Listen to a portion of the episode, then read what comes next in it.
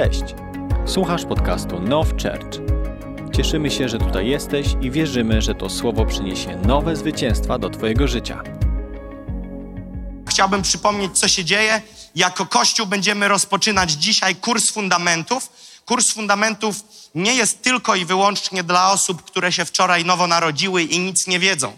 Kurs fundamentów jest dla nas wszystkich i mieliśmy w kościele od ponad roku kurs fundamentów, który odbywał się raz w tygodniu e, i zapisywały się na nie osoby. Taki kurs trwał około trzech miesięcy, co tydzień, raz w tygodniu. E, I później następowała e, nowa grupa, rodziła się nowa grupa, która się zapisywała i kolejna grupa. Natomiast w ostatnich kilku miesiącach mieliśmy przerwę w tym kursie fundamentów, ponieważ pracowaliśmy bardzo mocno nad mocnym materiałem, który ma niespełna 100 stron. I to jest podręcznik, który został stworzony, kurs fundamentów, który wierzymy nie będzie tylko błogosławieństwem dla Warszawy i dla Now Church, ale wierzymy, że kilka kościołów będzie chciało z niego korzystać. Była to współpraca nasza z pastorem doktorem Richardem Williamem, który jest, jak wiecie, dziekanem, wykładowcą na chrześcijańskim uniwersytecie e, na Florydzie oraz e, z jego współpracownikami. Pastor Richard William nie tyle co wykłada na podstawie materiałów, które ma na uniwersytecie, do czego też trzeba mieć, inni muszą mieć zaufanie i trzeba coś wiedzieć, ale mało tego, że on wykłada, on tworzy materiały na oficjalnych chrześcijańskich uniwersytetach.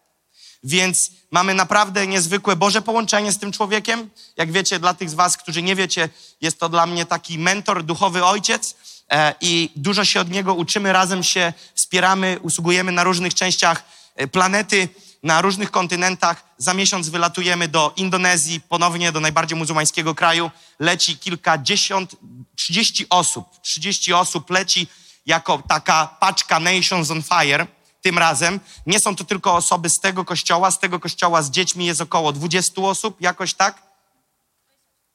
Ile? 28 z Nations on Fire z dziećmi. E, a lecą też z nami Czesi. E, leci z nami kilku pastorów z Czech, więc to leci taka dosyć mocna kapela. Możesz sobie pomyśleć, czemu ja nie lecę? E, bo na twój wyjazd przyjdzie czas. Nie da się wszystkich zabrać, nie możemy wynająć samolotu cargo. Więc lecimy na razie taką grupą, ale chcemy zabierać ze sobą tych, którzy wierzymy, że na ten moment powinni lecieć. Oczywiście, żeby było wszystko jasne, to nie jest wyjazd sponsorowany przez Kościół. Te osoby płacą za siebie. W jednym tylko elemencie jest kilkuprocentowe, kilkudziesięcioprocentowa pomoc w pewnym elemencie tej podróży, ale dużą większość kosztów, praktycznie grubą większość wszyscy mają na sobie. Więc e, chcemy, żebyście wiedzieli, że to jest ich inwestycja w Boże Królestwo i właśnie w takim pakiecie jedziemy. Ale zacząłem od kursu fundamentów i postanowiliśmy, że przejdziemy ten nowy materiał wszyscy razem, jako cały Kościół. Rozpiskę otrzymaliście na nabożeństwie tydzień temu. Specjalne broszurki, które zostały też, są w punkcie info po nabożeństwie, jest wydrukowane, przygotowane wizualnie dla oka w sposób zrozumiały, w jaki sposób będziemy działać, ponieważ kurs fundamentów ma 11 lekcji dla nas zaplanowany w tym secie, w tej serii.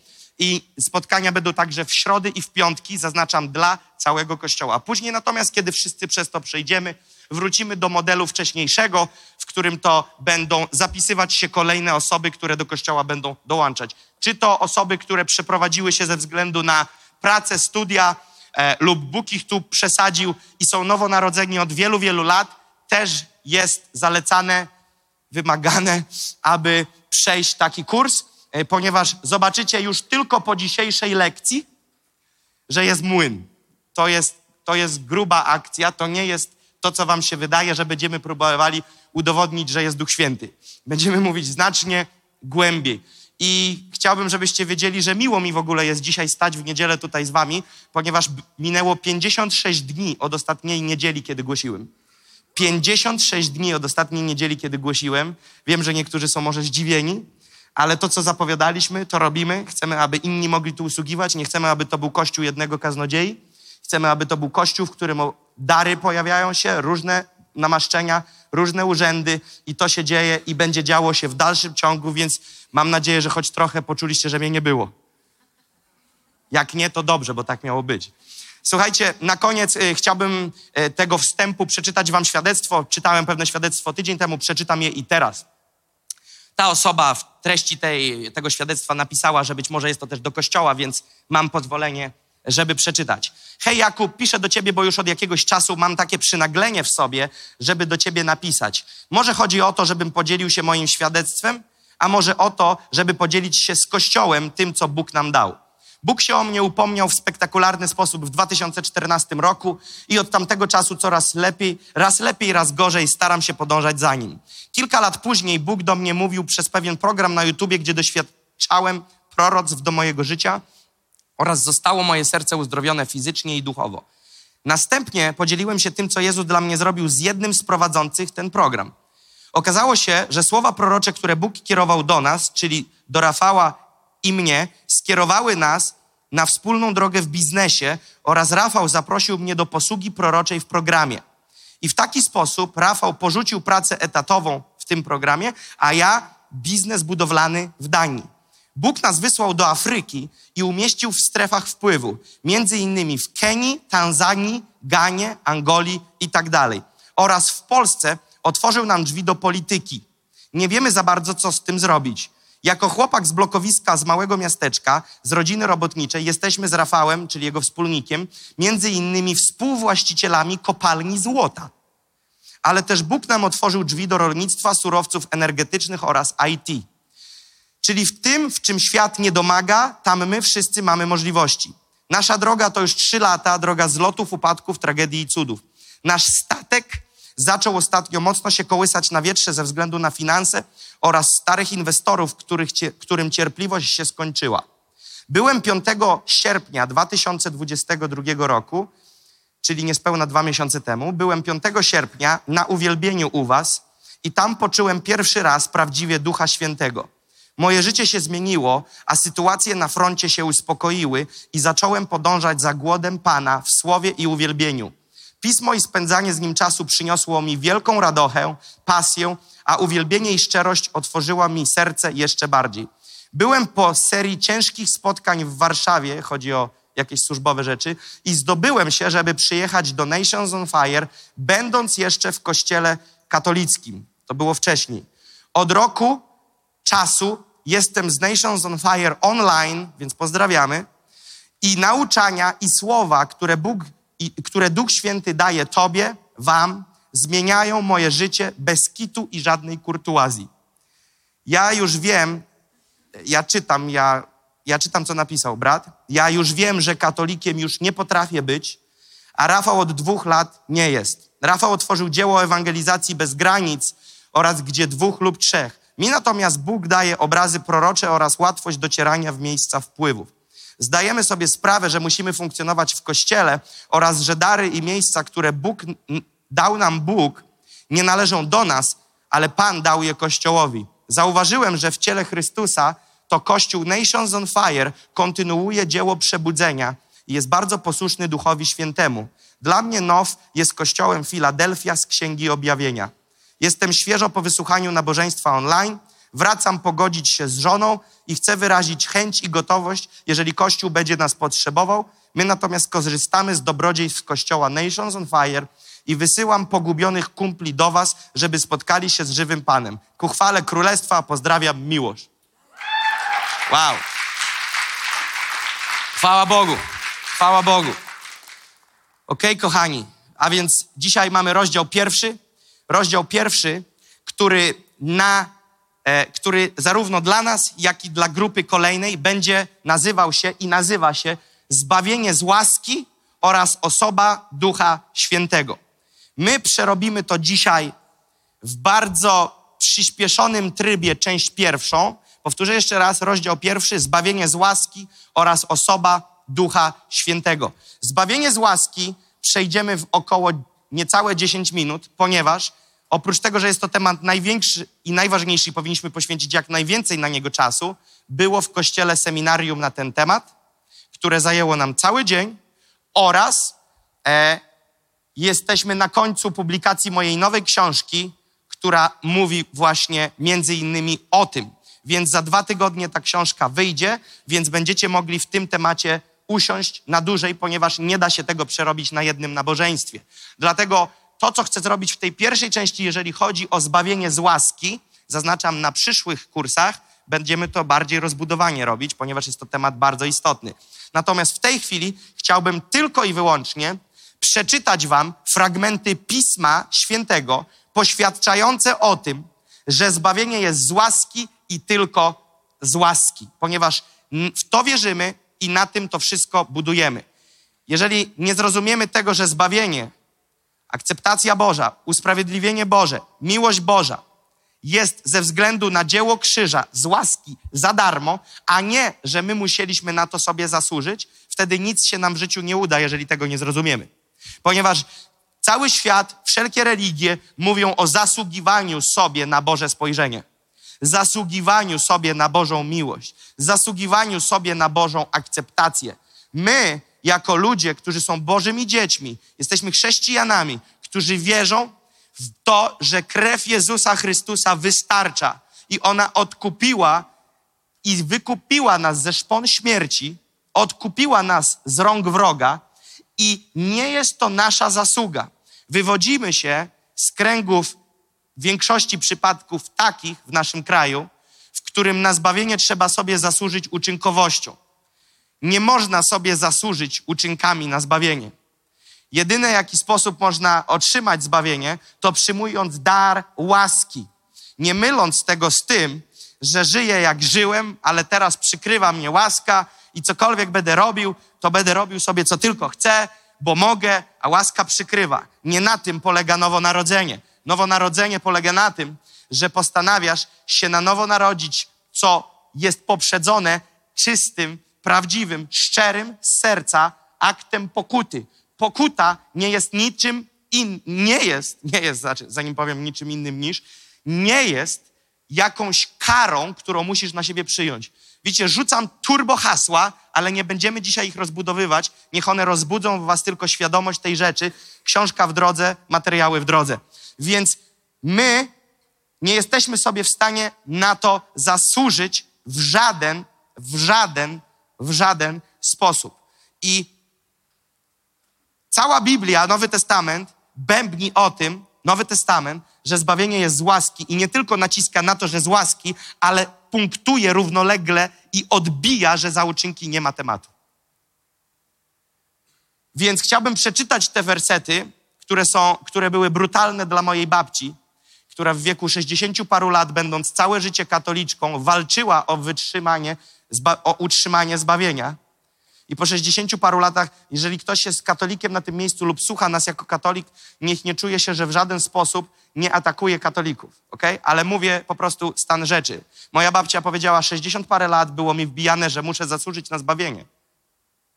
A mówi, w takim razie byłam oszukiwana ponieważ na zbawienie nie da się sobie zasłużyć, a mało tego, kto próbuje sobie zasłużyć, Biblia mówi, że jest pod przekleństwem. Ale już dosyć słów Jakuba, przejdźmy do Biblii, więc jedziemy z wersetami. Ja będę je czytał, one się nie będą wyświetlać na dzisiaj, mamy kilkadziesiąt wersetów, będziemy żyli przez nie bardzo dynamicznie, więc jedyne, co was zachęcam, możecie notować, jeżeli ja mówię na przykład Jana 3,16 i czytam werset, to zapiszcie sobie Jana 3,16 w domu, możecie tego poszukać. To się też nagrywa, dzisiejsze spotkanie, więc będziecie mogli się do tego odnieść. Dziś będę jechał strasznie szybko, ponieważ jesteśmy kościołem czasów ostatecznych. Amen? Aleluja. Więc kochani, pierwszy, e, już chciałem powiedzieć, pierwszy list do Rzymian. Znowu, ja nie wiem, co mi z tym Rzymian. List świętego Pawła do Rzymian 3,20. Rzymian 3,20 mówi tak. Jesteście gotowi? Chciałem, żebyście się wsłuchali. Nie robimy tego, żeby tylko wywalić materiał z pulpitu i pójść dalej. Chcę, żebyście się też mogli w to słuchać. Paweł pisze tak: Dlatego z uczynków zakonu nie będzie usprawiedliwiony przed nim żaden człowiek, gdyż przez zakon jest poznanie grzechu. Więc sprawa zakonu i utrzymywania standardów nie usprawiedliwi cię przed Bogiem. Kolejny, Rzymian 3,23. 3,23 Rzymian mówi tak, gdyż wszyscy zgrzeszyli i brak im chwały Bożej. Nie ma kogoś, kto jest biały, Wszyscy zgrzeszyli, wszyscy są pod kreską, wszyscy zgrzeszyli, wszystkim brakuje chwały Bożej. I teraz dalej, werset kolejny. I są usprawiedliwieni darmo, czyli 3,24 Rzymian, są usprawiedliwieni darmo z łaski Jego przez odkupienie w Chrystusie Jezusie. To jest kontynuacja wersetu wcześniejszego. Wcześniejszy mówi, wszyscy zgrzeszyli, brak im chwały Bożej, ale są usprawiedliwieni za darmo z łaski Jego przez odkupienie w Chrystusie Jezusie. Kolejny to Rzymian 3, 27, więc ciągle jesteśmy w trzecim rozdziale. Trzeci rozdział, 27 werset mówi tak. Gdzież więc chluba Twoja? Wykluczona. Przez jaki zakon? Uczynków? Bynajmniej, lecz przez zakon wiary. Werset po wersecie, największy z apostołów po Jezusie Chrystusie, morduje temat zbawienia za uczynki. Kolejny jest w Rzymian 3, 28, czyli kolejny werset. Uważamy bowiem, że człowiek jest usprawiedliwiony przez wiarę niezależnie od uczynków zakonu. Cały czas Paweł to roz, rozszczepia. List świętego Pawła do Efezjan, drugi rozdział, werset 8 i 9. Albowiem łaską zbawieni jesteście przez wiarę i to nie z was, Boży to dar, nie z uczynków, aby się kto nie chlubił. List świętego Pawła do Galacjan 3, czyli Galacjan trzeci rozdział, wersety od 9 do 12. To jest tekst, który Paweł wypisuje około 30 lat po Chrystusie. Te słowa, 30 lat po Chrystusie. I Paweł mówi tak. Tak więc ci, którzy są ludźmi wiary, dostępują błogosławieństwa z wierzącym Abrahamem. Bo wszyscy, którzy polegają na uczynkach zakonu, są pod przekleństwem. Napisano bowiem, przeklęty każdy, kto nie wytrwa w pełnieniu wszystkiego, co jest napisane w księdze zakonu. A że przez zakon nikt nie zostaje usprawiedliwiony przed Bogiem, to rzecz oczywista, Paweł mówi. Bo sprawiedliwy z wiary żyć będzie. Zakon zaś nie jest z wiary, ale kto go wypełni, przezeń żyć będzie. Więc, więc tu jest tak, masz rozpiskę, Paweł mówi, nie ma opcji tego wypełnić. Dlaczego? Bo nawet jakbyś się postarał, to oprócz fizycznego wypełnienia tego, nie kradnij, Jezus podniósł poprzeczkę do tego, że jak pomyślisz grzesznie, już zgrzeszyłeś. Ale Paweł mówi, więc byś musiał to wszystko wypełnić, ale mówi, ale i tak nie wypełnisz. Ale nawet jakbyś chciał, to rodzisz się z grzechem, grzeszną naturą już jest po tobie. Ale, mówi, ale gdyby ci się udało i nie było na tobie ani skazy, no to wtedy za uczynki jedziesz do nieba. Jest ktoś chętny na taki układ? Nie ma tu wariatów, więc dobrze. To jest niemożliwe, aby dostać się do nieba za uczynki. To jest niewykonalne. I Paweł mówi, że kto próbuje za, zasłużyć, to jest rzecz oczywista, że nikt z nas nie dostąpi zbawienia. I mało tego, jest pod przekleństwem. Jakim przekleństwem? O jakie przekleństwo chodzi? O przekleństwo grzechu, poprzez który jest sąd i wyrok sprawiedliwy, że grzeszny człowiek idzie do piekła. Więc albo cię kryje łaska, albo ty mówisz, ale ja sobie na to zasłużę. I wtedy wychodzisz spod parasola łaski i wchodzisz pod sierp, który nazywa się sąd i nic cię nie wybiela, ponieważ nawet jak zrobiłeś 999 tysięcy 999 dobrych uczynków, to ten jeden cię załatwia. Taka jest matma Biblii. I bardzo dobrze, bo krew Jezusa czyści wszystko od A do Z. Halleluja. List świętego Pawła do Galacjan 1, Galacjan 1 od 6 do 9. To jest chwilę przed tymi słowami, które czytałem, więc okres nadal około 30 lat po Chrystusie. I teraz uważajcie, co się dzieje już 30 lat po Chrystusie. Paweł pisze do kościoła w Gala do Galacjan. Uwaga. Dziwię się, że tak prędko dajecie się odwieść od tego, który was powołał w łasce Chrystusowej do innej Ewangelii. Chociaż innej nie ma. Są tylko pewni ludzie, którzy was niepokoją i chcą przekręcić Ewangelię Chrystusową. Ale choćbyśmy nawet my, albo anioł z nieba, zwiastował wam Ewangelię odmienną od tej, którą myśmy wam zwiastowali, niech będzie przeklęty. Jak powiedzieliśmy przedtem, tak i teraz znowu mówię. Jeśli wam ktoś zwiastuje Ewangelię odmienną od tej, którą przyjęliście, niech będzie przeklęty. A w wersetach kolejnych jest to, co czytałem przed chwilą, wykłada im, że temat uczynków nie istnieje. Więc 30 lat po Chrystusie już weszła uczynkowość. Ona weszła wcześniej, bo 30 lat później był już gotowy list. Więc to musiało dotrzeć do Pawła jeszcze wcześniej. Więc już chwilę po tym, kiedy Chrystus załatwia sprawę za grzech całego świata, jacyś ludzie już miksują prawdę i mówią, no tak, ale trzeba też robić dobrze. I wiemy, co się z tego narodziło i co jest dzisiaj. List świętego Pawła do Rzymian 10, 9. Bo jeśli ustami swoimi wyznasz, że Jezus jest Panem i uwierzysz w sercu swoim, że Bóg wzbudził go z martwych, zbawiony będziesz. A Marka 16, 16 mówi tak. Kto uwierzy i ochrzczony zostanie, będzie zbawiony, ale kto nie uwierzy, będzie potępiony. Więc widzisz, możesz nie wierzyć, a robić dobre uczynki. Będziesz potępiony. Więc tutaj jasno nam zaznaczyła, zaznaczyła Słowo Boże, natchnione Boże Słowo, że my mamy jedyną opcję, aby dostąpić zbawienia poprzez pokutę, bo tam później jest napisane jeszcze w dziejach apostolskich, odwróćcie się, opamiętajcie się i dajcie się ochrzcić.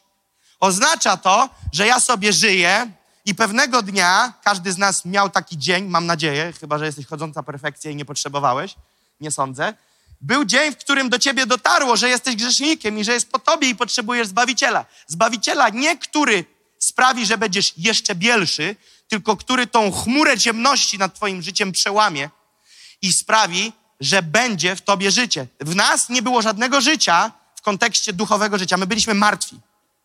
My byliśmy martwi, nas nie było. My byliśmy warzywami, które duchowo toczyły się do piekła. Nie było nas.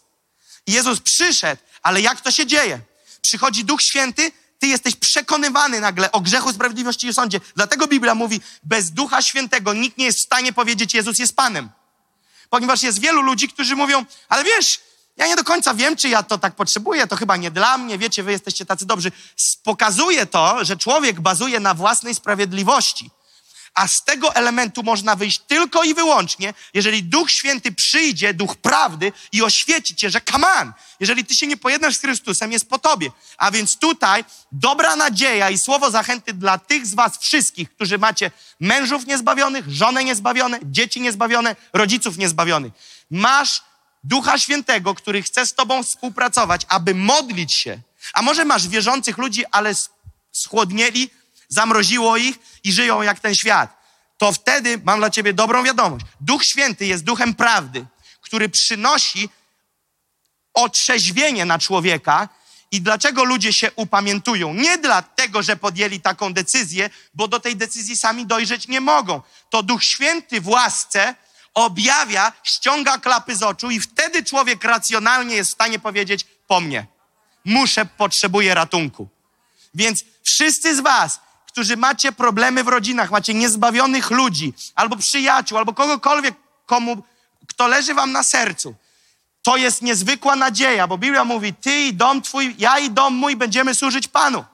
Oznacza to, że Ty jesteś tym przepływem życia Bożego do Twojego otoczenia, do Twoich bliskich, do Twojej rodziny i możesz wyzwalać nad nimi działanie Boże i modlić się Duchu Święty, dlatego to jest modlitwa, do której zachęcam wszystkich, którzy mają niezbawionych ludzi. Wypowiadaj imię tej osoby i mów, Duchu Święty, przekonuj Angelikę o grzechu, sprawiedliwości i sądzie.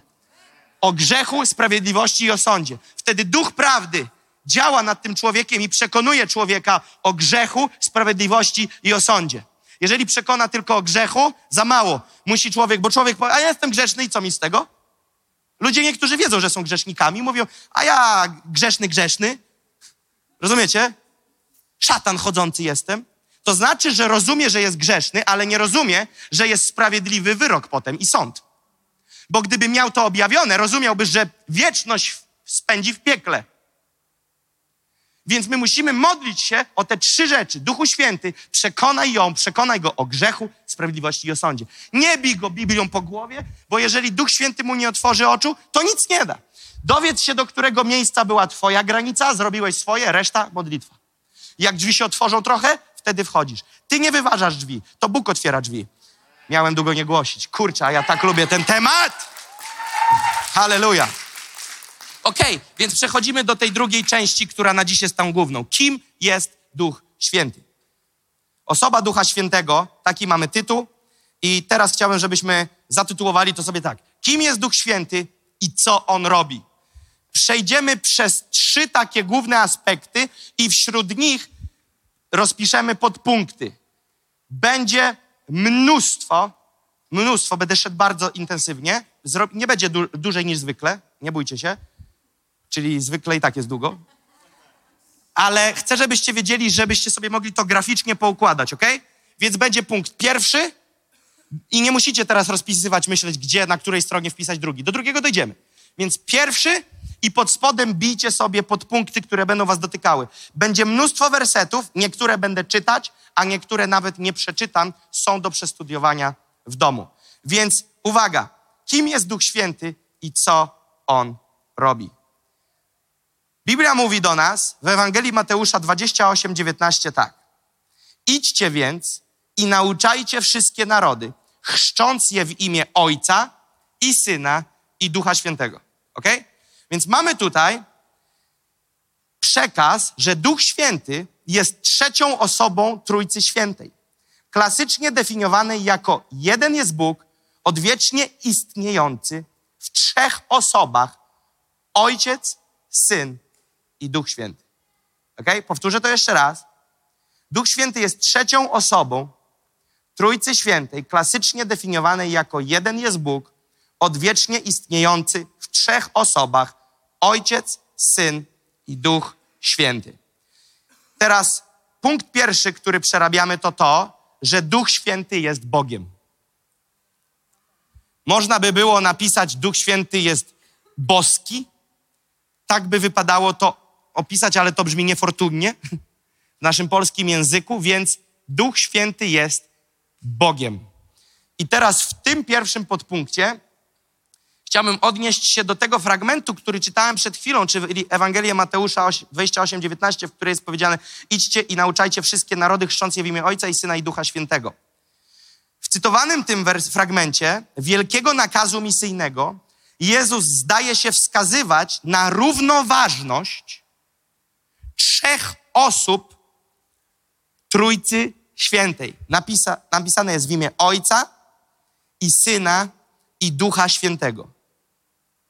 Więc jeszcze raz chcę potwierdzić i pokazać, że ten fragment wskazuje nam na równoważność trzech osób boskich Trójcy Świętej, czyli Ojciec, Syn i Duch Święty. Inne fragmenty, które ukazują Ojca, Syna i Ducha Świętego, współdziałających ze sobą, to, i teraz wymienię te wersety i nie będę ich nawet czytał, w domu chciałbym, żebyście przestudiowali. Ewangelia Jana, w skrócie Jana 14, 16.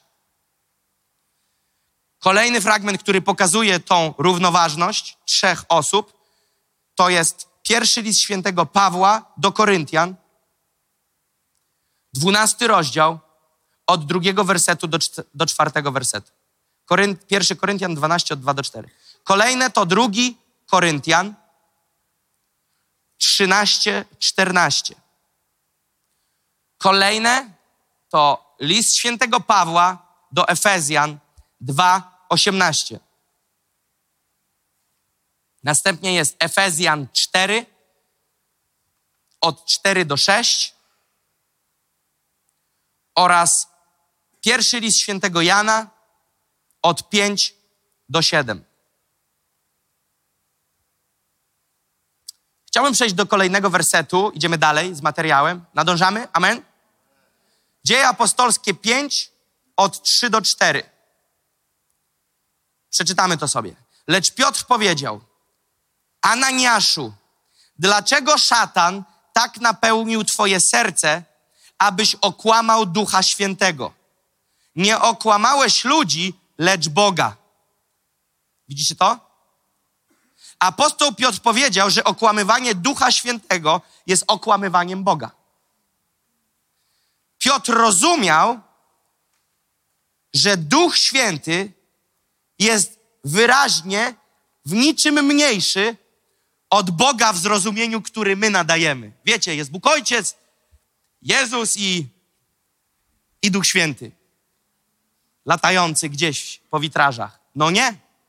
Duch Święty, oni są równoważni dla siebie. Nie ma innego lepszego wyrazu, a on jednak jest niefortunny, że jest to boskie połączenie. Mamy trochę,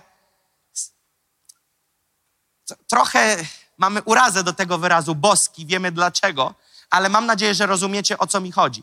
Jest to ta boska, Boża, Trójca Święta, zależna od siebie nawzajem. Oni działają razem. Więc Piotr tutaj wskazuje wyraźnie: hej, okłamałeś Ducha Świętego, czy nie rozumiesz, że nie okłamałeś ludzi, lecz okłamałeś Boga? Duch Święty miał w pełni i wystarczająco zająć miejsce Jezusa na ziemi. Czyli Duch Święty nie był w niczym mniejszy od Jezusa, ponieważ jest to napisane w Ewangelii Świętego Jana 14, od 16 do 17. Tam jest ta tajemnica, która mówi nam o tym, że Jezus zapowiada przyjście Ducha Świętego. Więc jeszcze raz chcę powiedzieć, Duch Święty zastąpił Jezusa na ziemi.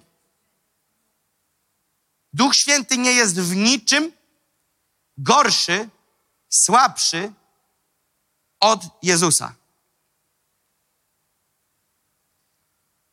Jezus miał wkrótce wstąpić z powrotem do nieba, a w jego miejsce dla naszego dobra, tak to powiedział Jezus, zamierzał zesłać Ducha Świętego, aby był z nami na zawsze. A więc Jezus jako Bóg, ponieważ Jezus był też jako człowiek chodząc po ziemi, ale Jezus jako Bóg powraca do nieba, z kolei Duch Święty jako Bóg przybywa z nieba na ziemię, aby być z nami. Łapiemy tą zależność? Ponieważ Jezus był jako człowiek na ziemi, ale był też jako Bóg. Natomiast wstąpił do nieba jako Bóg, a w jego miejsce jako Bóg wstąpił Duch Święty. To był nasz pierwszy punkt. Drugi punkt, do którego idziemy, to Duch Święty jest osobą, a nie tylko siłą lub wpływem. To jest nasz drugi punkt. Duch Święty jest osobą, a nie tylko siłą lub wpływem. Zanim przejdę do tego, chcę powiedzieć, dla wielu ludzi wierzących, nawet wiele lat, Duch Święty to turbotajemnica. Tak naprawdę, kim jest ten Duch Święty, albo czym jest? Czy to atmosfera, czy to ciarki, czy to drące dłonie, czy łzy. Widzisz, Henoch był dziś na scenie, pastor Noemi była na scenie i coś się zadziało, że pastor Noemi płakała. Może przyjść Duch Święty i sprawić, że płaczesz, ale łza to nie Duch Święty. Duch Święty nie jest tylko atmosferą. Duch Święty sprawia, że atmosfera się przemienia, ale Duch Święty nie jest atmosferą. To, że mamy niezwykłą atmosferę, jest dlatego, że przychodzi Duch Święty, ale Duch Święty nie jest jakąś mgłą. Może być tak gęsto od Ducha Świętego, że widzimy mgłę, że aż jest ciężko w atmosferze. Ale to nie jest dlatego, że Duch Święty jest mgłą o poranku. Duch Święty jest osobą.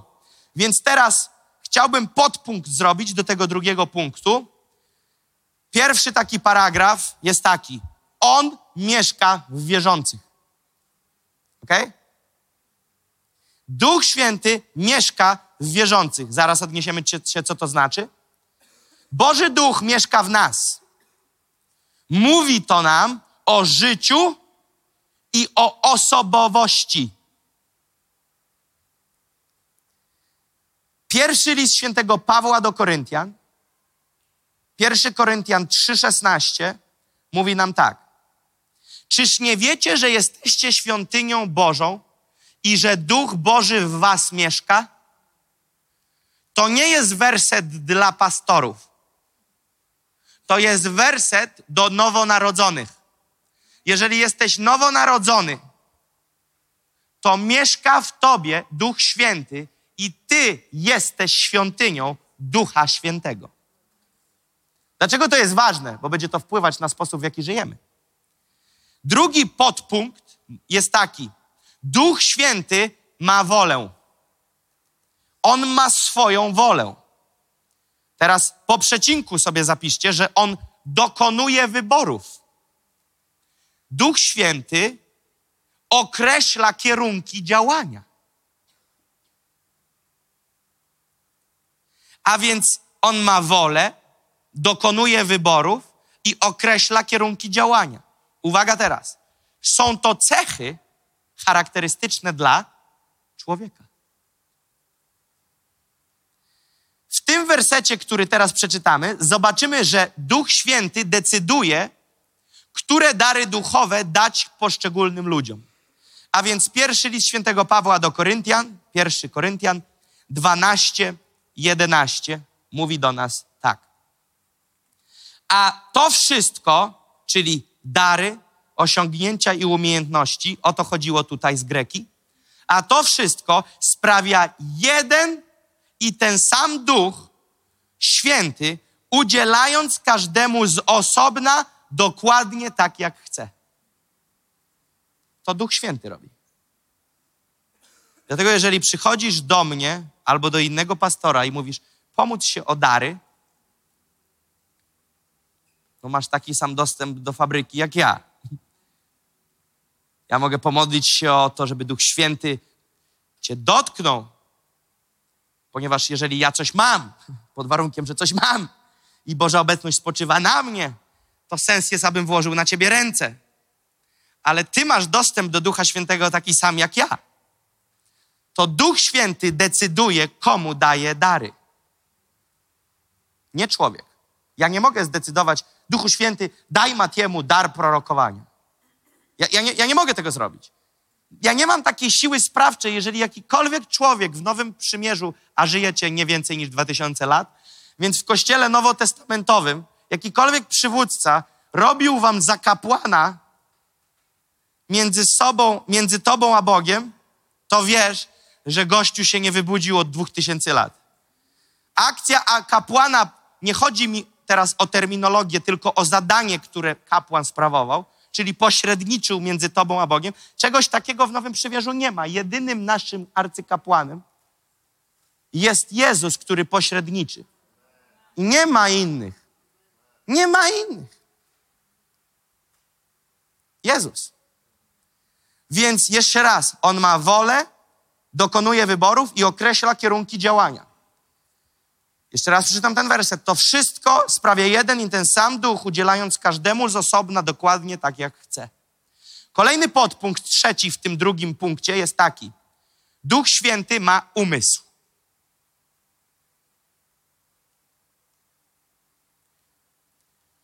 Zdolność intelektualna jest cechą, która wyraźnie mówi o osobowości. Skąd to wiemy? Rzymian 8:27 mówi tak. A ten, który bada serca, wie, jaki jest zamysł ducha, ponieważ według woli Boga wstawia się za świętymi. Widzicie, to nie jest tak, że, że Bóg Ojciec i Duch Święty, tak jakby Duch Święty jest niezależny, on nie ma nic do powiedzenia, tak jakby jest Bóg Ojciec, ale tak złączony jakoś tak, totalnie uzależniony. Oni współdziałają, ale Duch Święty ma swój umysł, zdolność intelektualną. To jest niesamowite, że z takim kimś mamy do czynienia. I teraz uwaga, kolejny podpunkt. Duch Święty ma emocje.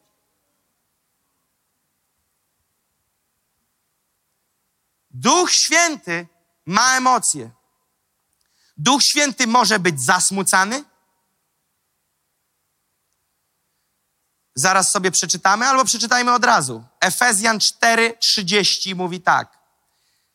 I nie zasmucajcie Bożego Ducha Świętego.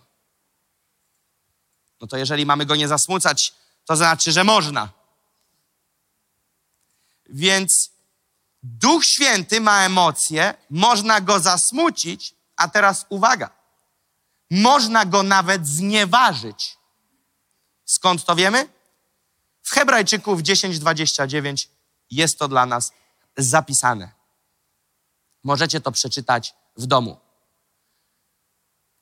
Dodatkowo przypominam, że on mieszka w wierzących i wskazuje ta, to nam na wyraźne działanie kogoś, kto ma swoją osobowość. Dlaczego jest to tak ważne, to co przeczytaliśmy, o tym, że Duch Święty ma emocje, ma umysł, ma wolę i mieszka w wierzących?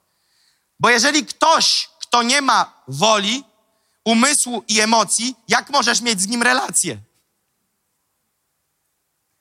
Ale jeżeli ktoś ma emocje, wolę, osobowość, to ty możesz z nim rozmawiać tak, jak z osobą, która siedzi obok ciebie. Możesz żyć z Duchem Świętym. Wszyscy, którzy nie rozumieją tego, co chociażby do tej pory przeczytaliśmy i powiedzieliśmy, nigdy nie mogą mieć relacji z Duchem Świętym. Bo dla nich Duch Święty to jakaś para w atmosferze. Jakaś moc. Tak, owszem, jest moc w Duchu Świętym. Ale Duch Święty ma emocje. Samo to, posłuchajmy tego, samo to, że On ma emocje i mieszka w tobie, te dwa czynniki połączmy, ok? Mieszka w tobie i ma emocje. To jest tam, gdzie ty, widzi to, co ty, słucha tego, co ty. Zgadnij, czy lubi twoją playlistę na Spotify. Niektórzy chrześcijanie pod koniec roku jest Spotify. Spotify to taki odtwarzacz, taka biblioteka muzyki. I, w, I zawsze ci pod koniec roku jest podsumowanie tego, czego słuchasz. Wiecie, co jest dla mnie największą paranoją? Że ludzie, którzy trzymają mikrofon w polskim chrześcijaństwie, robią screen i wrzucają w internet pochwalić się, że w sześciu topowych są dwie chrześcijańskie. Bo to pokazuje na tle ilości wyświetlania tego, co słuchali. Ja nie rozumiem. Ja tego nie rozumiem. Wielu ludzi, którzy nie rozumie, nie rozumieją, że Duch Święty ma osobowość, jest osobą, ma, ma uszy, ma oczy, ma intelekt, ma wolę, jeżeli tego nie zrozumie, wpadnie w legalizm. O, nie mogę tego, nie mogę tamtego. A to już nie jest kwestia, czy mogę, czy nie mogę, tylko ja chcę przypodobać się mojemu przyjacielowi i pocieszycielowi. Więc kiedy siadam do filmu, w którym się kurczę od seksu aż roi, to zgadnij, czy Duch Święty jest rozradowany, czy zasmucony, czy może coś, co się nie mieści w ogóle już w ramach teologii, czy znika na chwilę? No nie znika. On jest w tobie. To zgadnij, co się dzieje. A później jesteś zdziwiony. Załóżmy, że moja żona lubi mięso, a lubi, a ja ją zaproszę na jej urodziny na, na sałatkę strawy. Kolejną rzecz, jej marzeniem było, aby odwiedzić Pałac Kultury, a najgorszą rzecz, którą mógłbym jej zrobić, to zabrać do Biblioteki Miejskiej. Zabiorę ją po trawie na, do Biblioteki Miejskiej, a na koniec mówi, uwielbiam gorącą saunę i zabrałem ją do groty takiej śnieżnej. Na koniec dnia mówię, kochanie, obejrzymy coś. Załóżmy, że lubi kino akcji, a ja jej nudny dokument. I pod koniec dnia mówię, kochanie, jak tam u ciebie? I my tak samo robimy z Duchem Świętym. Ignorujemy to, że On jest, ignorujemy to, że czuje, ignorujemy to, że coś lubi, ignorujemy to, że słucha i patrzy, oramy Go non-stop, przychodzimy do kościoła i myślimy, że On od progu na nas czeka i mówi, teraz dołącz. I wchodzimy i zaczynamy, jakby wszystko było ok. I jesteśmy zdziwieni, że coś w naszej relacji nie działa. Czy powoli nam się ten obraz krystalizuje i komuś to pomogło, co teraz powiedziałem? Widzicie, co się dzieje? Dzięki, Iza. Widzicie, co się dzieje? Widzicie, co się dzieje? Jesteś zdziwiony, że jakoś relacja się nie układa. Ale łatwiej jest zrozumieć na przykładzie tych czterech rzeczy, które odniosłem do mojej żony. Dlaczego? No jak to dlaczego? Żona ci powie, co ty głupi jesteś? Nie wiesz, czemu jestem w takim niesosie? Cały dzień nie tyle, co nie zrobiłeś tego, co chciałam, tylko jeszcze wszystko na przekór. I każdy z nas by zrozumiał, gdyby taki facet jak ja przyszedł i powiedział, wiesz co, ja nie rozumiem, co z tą moją żoną, ona taka na mnie jakoś bokiem patrzy. A ty powiesz, no chłopie, no przecież cztery na cztery zawaliłeś. Przecież były jej urodziny.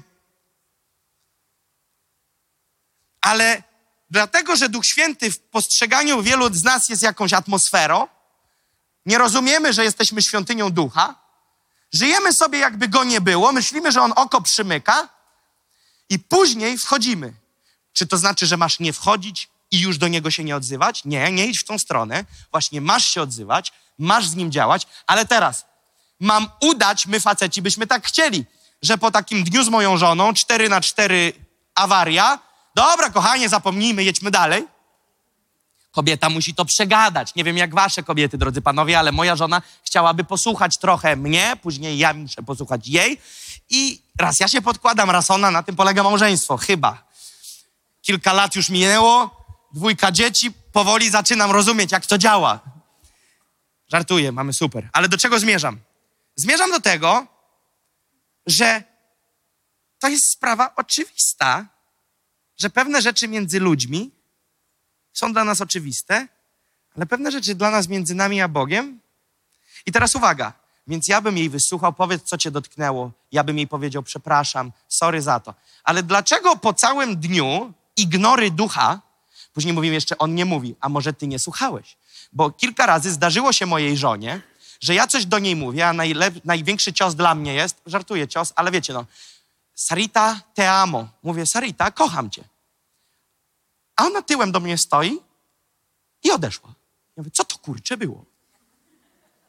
Mówię, Sarita, ja coś do ciebie powiedziałem. A ona, a co? Bo ja akurat zamyślona byłam. Ja mówię, ty naprawdę nie zarejestrowałaś, że ja do ciebie powiedziałem? Nie. Ja mówię, wow, a co powiedziałeś? No powiedziałem, że cię kocham. O, yo también, ja też. Idziemy sobie przez życie, jesteśmy zamyśleni, myślimy o wszystkim i o niczym, oprócz o Duchu Świętym. Duch Święty do nas mówi, my w ogóle nie zwracamy na to uwagę, a na koniec dnia w ogóle nie wracamy do momentów, w których go zasmuciliśmy, nie jesteśmy skorzy do tego, aby powiedzieć przepraszam i najlepsze jest jeszcze, rzucamy mu, czemu ty mnie olewasz i mnie nie słuchasz i do mnie nie mówisz. To pomyśl, jak on się czuje po takim życiu z tobą dwie dekady. Przecież to po ludzku byłby rozwód. Ale Duch Święty, widzisz, On, to nie jest tak, że On cię zostawi, pieczęć ducha z ciebie zniknie i ty kurczę przegrałeś zbawienie, tylko On po prostu sobie odpuści relację z tobą. On nie będzie cię wiecznie forsował. 20 lat ty masz go w nosie, ale On wiecznie będzie z rana błagał. Nie, ponieważ On, ma oso- on jest osobą, On ma osobowość, On ma emocje, On ma intelekt i On widzi, mam do czynienia z głuchym, ślepym, nie podchodzę więcej. Rozumiecie o co chodzi? Więc kiedy ja pomyślę nieźle, ale nieprzyzwoicie, i nie chodzi mi o jakieś sprośne myśli, nieprzyzwoicie, bo odniosę się do jakiegoś brata, brat do brata, pomyślę o nim cokolwiek, nie tyle co złego, ale takiego trochę nieprzyzwoitego, to ja wiem, że Duch Święty to wie. Więc co ja robię? Duchu Święty, przepraszam. Kurczę, przepraszam, że twojego gościa wysmarowałem w mojej głowie. Sorry. Wiesz dlaczego? Bo on wie. Teraz uwaga, tajemnica.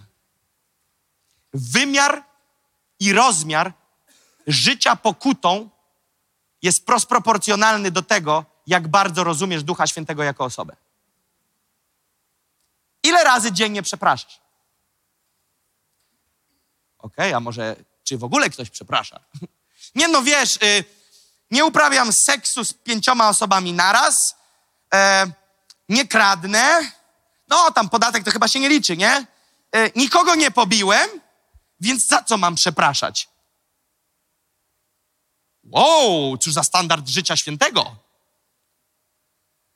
Ale kiedy chodzisz z Duchem Świętym i rozumiesz, że On jest, to ty nawet rozpoznasz, że On rozpoznał, że twoje spojrzenie na kogoś było nie okej.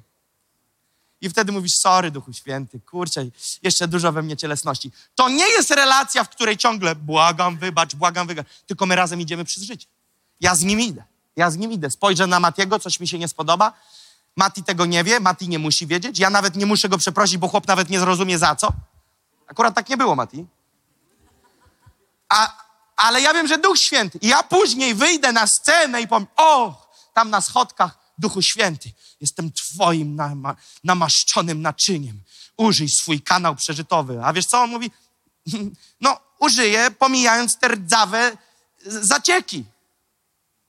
I mówimy, o, Duchu Święty, użyj mnie, jestem Twój. Tak? No to czyść tą rurę przerzutową.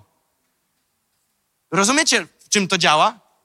Widzicie, tak naprawdę dogadasz się z Duchem Świętym, wszystko jest załatwione. Dlatego tak bardzo naciskamy kaman kościele, relacja z Bogiem, bez relacji z Duchem Świętym nie ma nas. To nie jest chrześcijaństwo. To będzie ciągła olewka. No pomyśl sobie, że wchodzisz w związek małżeński, zakładacie sobie obrączki i od tego dnia jeździcie na kursy małżeńskie, bo wam nie idzie, ok? Słuchajcie tego. W samochodzie cisza, w domu cisza. Nigdy się nie odzywacie. Przyjeżdżacie na kurs, siedzicie ze sobą, jedynie do kogo możecie się odezwać, do jakiegoś gościa, który wam pomaga i, i dopiero wtedy, ale możecie odezwać się nie między sobą, a do niego. I no wiesz, y, panie profesorze, czy tam panie pastorze, czy kogokolwiek go pytasz, wiesz, bo ja z moją żoną się nie mogę dogadać, a, a wtedy on pyta, a ty co z tobą? No wiesz, bo ja z tym człowiekiem nie potrafią z sobą wymienić słowa. 20 lat później dalej jeżdżą. Wiecie, co mi to przypomina? Ludzi, którzy przychodzą do kościoła z Duchem Świętym, będąc z nim zaręczonym i mówiąc w kościele, no pomódźcie się, żebym słyszał, pomódźcie się, żebym w końcu się przebił, y, ja jakoś nie mogę. Jesteś w związku małżeńskim, w przymierzu, w relacji otwartej, na którą on jest chętny i gadasz ze wszystkimi oprócz nim. Dlatego, że nie rozumiesz, że on tak samo, a nawet lepiej jest czujny niż człowiek. Na ile nie będzie zrozumienia, że jest to osoba, teraz, kiedy o nim mówimy, on tu jest. Patrzy na każdą piękną buzię na tej sali. Widzi każdy twój ruch. Patrzy na ciebie i mu jest miło, że dzisiaj o nim rozmawiamy. On tu jest. On tu jest. Dzięki Duchu Święty, że tu jesteś. A niektórzy przychodzą i mówią, a, u was to te światła. To nie ma Ducha Świętego, to tylko y, pianino taki show robi. No to to znaczy, że ty nic nie kumasz. On jest osobą. Mam umysł, emocje, wolę i mieszka w nas. I trzeci podpunkt. Trzeci punkt, punkt, punkt. Podpunkty skończyliśmy w drugim punkcie i teraz trzeci punkt. Czym jest działanie Ducha Świętego i co on robi?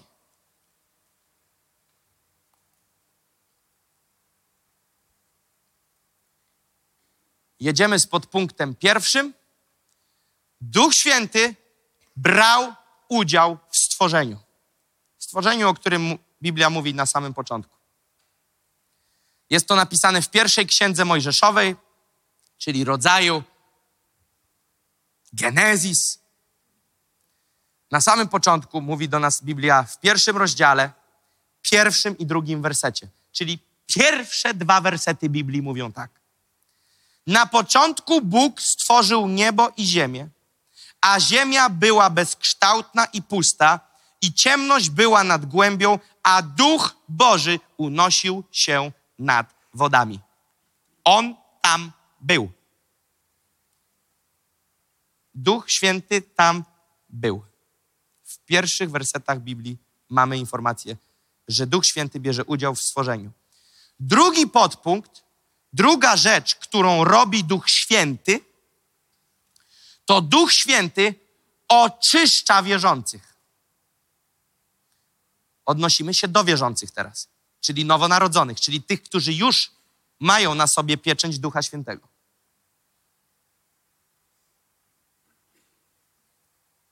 Przeczytamy Mateusza, trzeci rozdział, od 11 do 12 wersetu. Ja tak mówię powoli, żebyście nadążali, ok? To nie, że ja nie wiem, co mówić. Mateusza 3, 11, 12. Więc tutaj mówimy o podpunkcie, że Duch Święty oczyszcza wierzących. Uwaga. Ja was chrzczę wodą ku pokucie, ten zaś, który idzie za mną, jest mocniejszy ode mnie, nie jestem godny nosić mu obuwia. Sandałów, zależy od tłumaczenia. On będzie was chrzcił Duchem Świętym i ogniem. Ma swoje wiejadło w ręku i wyczyści swoje klepisko i zgromadzi swoją pszenicę do spichlerza, a plewy spali w ogniu nieugaszonym. Ok? Przypomnę, w jakim jesteśmy podpunkcie. Duch Święty oczyszcza wierzących. Grecki ekspert D.A. Carson twierdzi, że użyta tu konstrukcja gramatyczna sugeruje jednolitą koncepcję ducha ognia lub podobną. Carson dodaje, że istnieją powody, aby przyjąć ogień jako czynnik oczyszczający razem z Duchem Świętym. O co chodzi z tym ogniem? Ciągle krzyczysz: ogień, ogień. Rozpal ogień, swój ogień. Ogień ma kilka zadań. Tu mówimy o jednym. Więc przeczytam to jeszcze raz.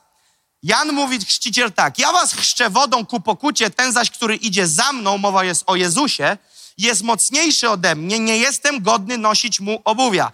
On będzie was chrzcił, czyli kto? Jezus.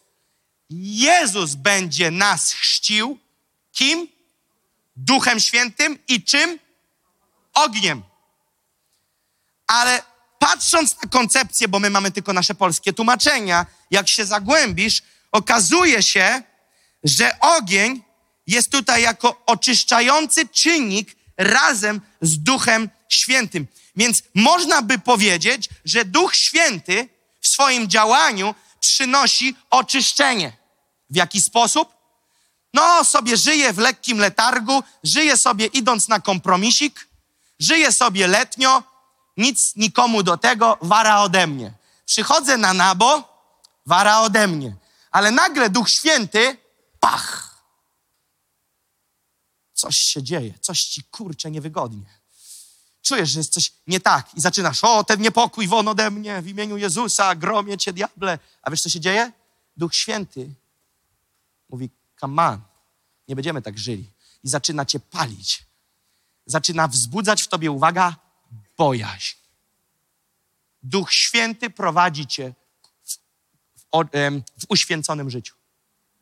Duch Święty nie pozwala ci obniżać sobie poprzeczki. Olejesz Ducha Świętego, zaniedbasz relację z Duchem Świętym, zaczniesz iść na kompromis, zacznie się grzeszek i później się zaczyna. To, co mnie trzyma, to nie moje samozaparcie, nie ma czegoś takiego. Nie ma człowiek takiego samozaparcia w sobie, które by było w stanie wypchać siłę pokusy grzechu. Jedyna możliwość, aby para, która ze sobą chodzi lub jest w związku małżeńskim, lub w związku zaręczeni, nie są jeszcze w związku małżeńskim, jedyne opcje, aby utrzymali się bez seksu, bez współżycia przed wyznaczonym czasem, jest to, że będą mieli bojaźń przed Panem. Same zasady ich nie utrzymają, ponieważ te ciśnienie, hormony, emocje, parcie rozwali cię i będziecie musieli pójść. To, co sprawia, że człowiek przestaje iść klimaty masturbacji, to nie to, że mówi, nie włączę więcej pornusów, tylko to, że rozumie, że jest Duch Święty i nie chodzi teraz, ale kicha przed Duchem Świętym nie można, tylko chodząc z Duchem Świętym, On sprawia, że w tobie te rzeczy gniją i odchodzą te pragnienia. Wielu ludzi mi mówi: Jakub, Jakub, Jakub, jak żyć czystym życiem? Staram się. No tak, starasz się, to nie będziesz żyć czystym życiem. Bo siły grzechu, siły tego świata są większe niż Twoje staranie. Człowiek w sobie jest bezbronny względem pokusy. Nie ma szans. O! Modlę się, aby moje dzieci wybrały Chrystusa. Nie wybiorą Chrystusa, taki wybór ich nie będzie, tylko Duch Święty może w nich sprawić taki wybór. One pójdą w świat, bo świat jest dla nich większą siłą, którą doświadczają. Jedyną siłą, która może ich zmienić kurs, jest to, jeżeli ty jako rodzic będziesz modlił się o to, żeby ten syf, który diabeł próbuje zaserwować dla twojego dziecka, był obnażony i aby to było jak po prostu śmieć tego świata, a żeby Duch Święty objawiał twojemu dziecku chwałę Chrystusa. Innej opcji nie ma. Wielu ludzi mówi, mam nadzieję, że moje dziecko pójdzie śladami za Bogiem. Nadzieję to ty sobie możesz mieć. Siła, która na niego napiera, jest silniejsza niż twoje, mam nadzieję. Przyprowadzanie twoje dziecka do kościoła zda egzamin do 18 roku życia. Jeżeli odbierze berło niezależności, to pierdyknie cię tym berłem w czoło i wyjdzie. Ale przez ten czas możesz walczyć w modlitwie, aby Duch Święty miażdżył jego głupotę. Amen? Są niektórzy poniżej 18 roku życia na sali i myślą, co ten chłop opowiada. Te berło dla was świeci i świeci. Niektórzy do mnie mówią tylko ściągnę osiemnastkę jeszcze rok. Byłem z takimi dziećmi pastorów. Siedzieli jak za karę w pierwszym rzędzie, wysyłali sygnały, że żygają tym wszystkim. Wziąłem ich na blat, na bok i mówi, co? Dupa parzy, co? Mówię. Ja wiem, jak rozmawiać z młodymi ludźmi. Mówię, dupa ci parzy, co? Mówię, czekasz, aby się urwać. On mówi, człowieku, osiemnastka mi wybije. I mówi tak, spieprzam po północy. A ja mówię, posłuchaj, to ja ci coś powiem, zanim ty spieprzysz, ok? Rozmowa, chcę, żebyście wiedzieli, jak była rozmowa, żeby o Kościół nie wypada mówić. Mówimy o życiu, amen? Mówimy jak jest. To nie znaczy, że nie mamy szacunku do miejsca, to nie znaczy, opowiadam wam historię, gdyby użył jeszcze gorszego słowa, abym nie powtórzył. Ale ja mówię, słuchaj, to ja ci powiem, ok? Zaora cię ten świat, będziesz w depresji, będziesz leżał zaorany, będziesz szukał w dziewczynach, w chłopakach, może nawet kurczę skończysz ze zwierzętami, bo z nami takie przypadki młodych ludzi, którzy kończyli, wiecie o czym mówię, ze zwierzętami, chore akcje. Skończysz w prochach, będziesz chlał, a i tak dziury w sercu nie zagasisz, ale wybór należy do ciebie. A to będzie aż tak źle? Ja mówię, będzie jeszcze gorzej, bo moje słowa tego nie oddają, bo moje słowa cię teraz nie bolą, a tam będzie boleć. To co ja mam robić? Jedyna opcja, poproś Boga, żeby ci objawił, że jest lepszy niż ten chłam. A, okej, okay, to ja spróbuję. No to spróbuj, bo zanim nie spróbujesz, to cię wyrwią. O, okej. Okay. Te siły są zbyt ciężkie, zbyt silne, żeby człowiek mógł się przed nimi ostać. Nie tylko młody, ale każdy. Niektórzy 50 lat, a dalej jakby wybiła północ na osiemnastkę. Więc Duch Święty oczyszcza wierzących. Drugi podpunkt, trzeci, przepraszam, podpunkt w tym trzecim punkcie jest taki. Duch Święty przychodzi na, to jest słowo klucz, na wierzących w celu wykonywania określonych zadań. I teraz chciałbym, żebyśmy przeczytali Łukasza, pierwszy rozdział, werset 15 do 17 oraz werset 67. Zaczyna się to tak. Będzie bowiem wielki w oczach Pana. Nie będzie pił wina ani mocnego napoju i zostanie napełniony duchem świętym już w łonie swojej matki. I wielu z synów Izraela nawróci do Pana ich Boga. On bowiem, chyba coś pomieszałem? Pomieszałem? Łukasza 1. Sprawdzam. Sprawdzam, czy jest. Kurczę, nikt nie otworzył. Łukasza 1,15. Już jesteśmy. Spokojnie. Tak, wszystko się zgadza. No ponieważ fragment ze Starego Testamentu, wiecie o co chodzi? Okej, jeszcze raz. Będzie wielki w oczach Pana, nie będzie pił wina ani mocnego napoju i zostanie napełniony Duchem Świętym już w łonie swojej matki. Uwaga. I wielu z synów Izraela nawróci do Pana ich Boga. On bowiem pójdzie przed nim w duchu i mocy Eliasza. Podobne klimaty były o Samsonie. A Zachariasz, jego ojciec, będąc napełniony Duchem Świętym, prorokował. Widzicie to?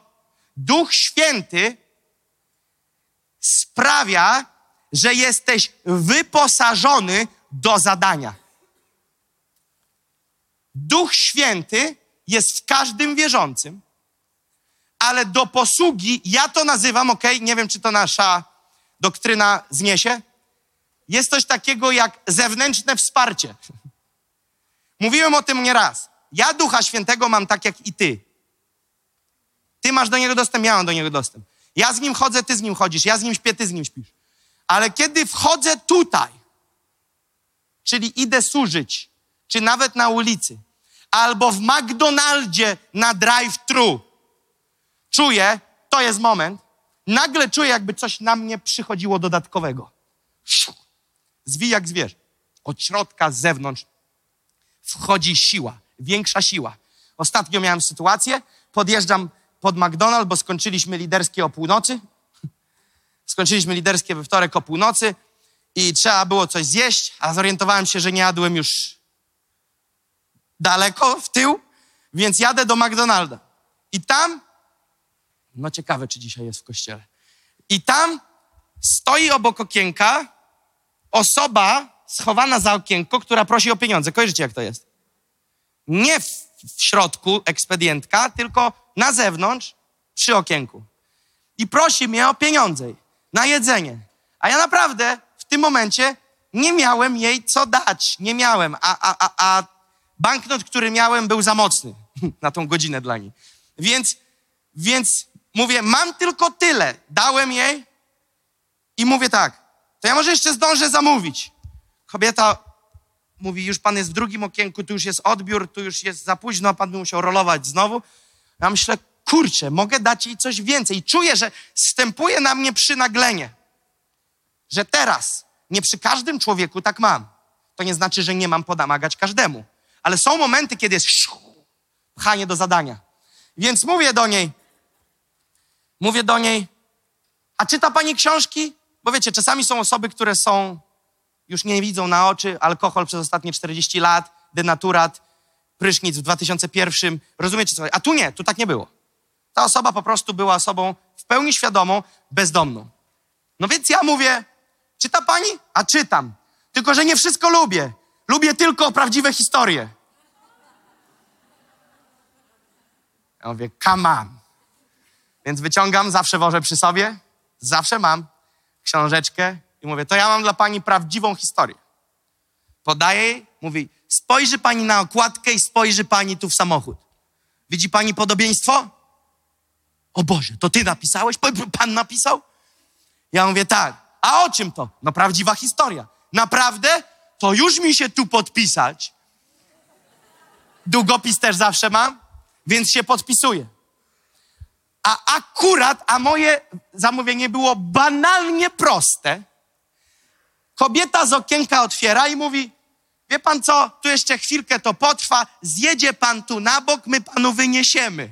Ja mówię, okej, okay, wszystko rozumiem. Więc zjeżdżam na bok, mówię, idę do niej, ale to ona do mnie idzie. Mówi, o, zdążyła już coś przeczytać. To w piłkę pan grał? Tak. I co teraz? Ja mówię, no i teraz jest plan taki. Wie, pan, wie pani, gdzie jest Global Expo? No, ja mówię, tam Modlińska. No wiem, wiem, wiem, wiem. Ja mówię, to o 11 w niedzielę możemy się spotkać. Proszę dać mi jeszcze raz książkę. Tutaj pod podpisem jest adres, dzień i godzina. Będziemy? Będziemy. No to do zobaczenia w niedzielę. Niech ta osoba się teraz nie krępuje, jeżeli jest na sali. Najwyżej się uda nam złapać po spotkaniu. Więc wracając do tego, przychodzi coś takiego jak siła do tego, aby robić pewne rzeczy. Kiedy wchodzę głosić, to nie jest tak, że ja głoszę ze swojej siły. Gdybym głosił ze swojej siły, wy byście po prostu mówili, on się chyba, kurczę, nie wyspał. Ale przychodzi coś takiego jak siła Pana, namaszczenie do wykonania zadania. A więc Duch Święty przychodzi na wierzących w celu wykonywania określonych zadań. Wielki prorok Jan Chrzciciel został uzdolniony do swojej posługi przez napełnienie Duchem Świętym. Dzięki działaniu Ducha Świętego Jan nawrócił wielu Izraelitów do, do Pana. Służył też jako współczesny prorok zapowiadający przyjście Pana Jezusa na ziemię. W czym? W mocy Ducha.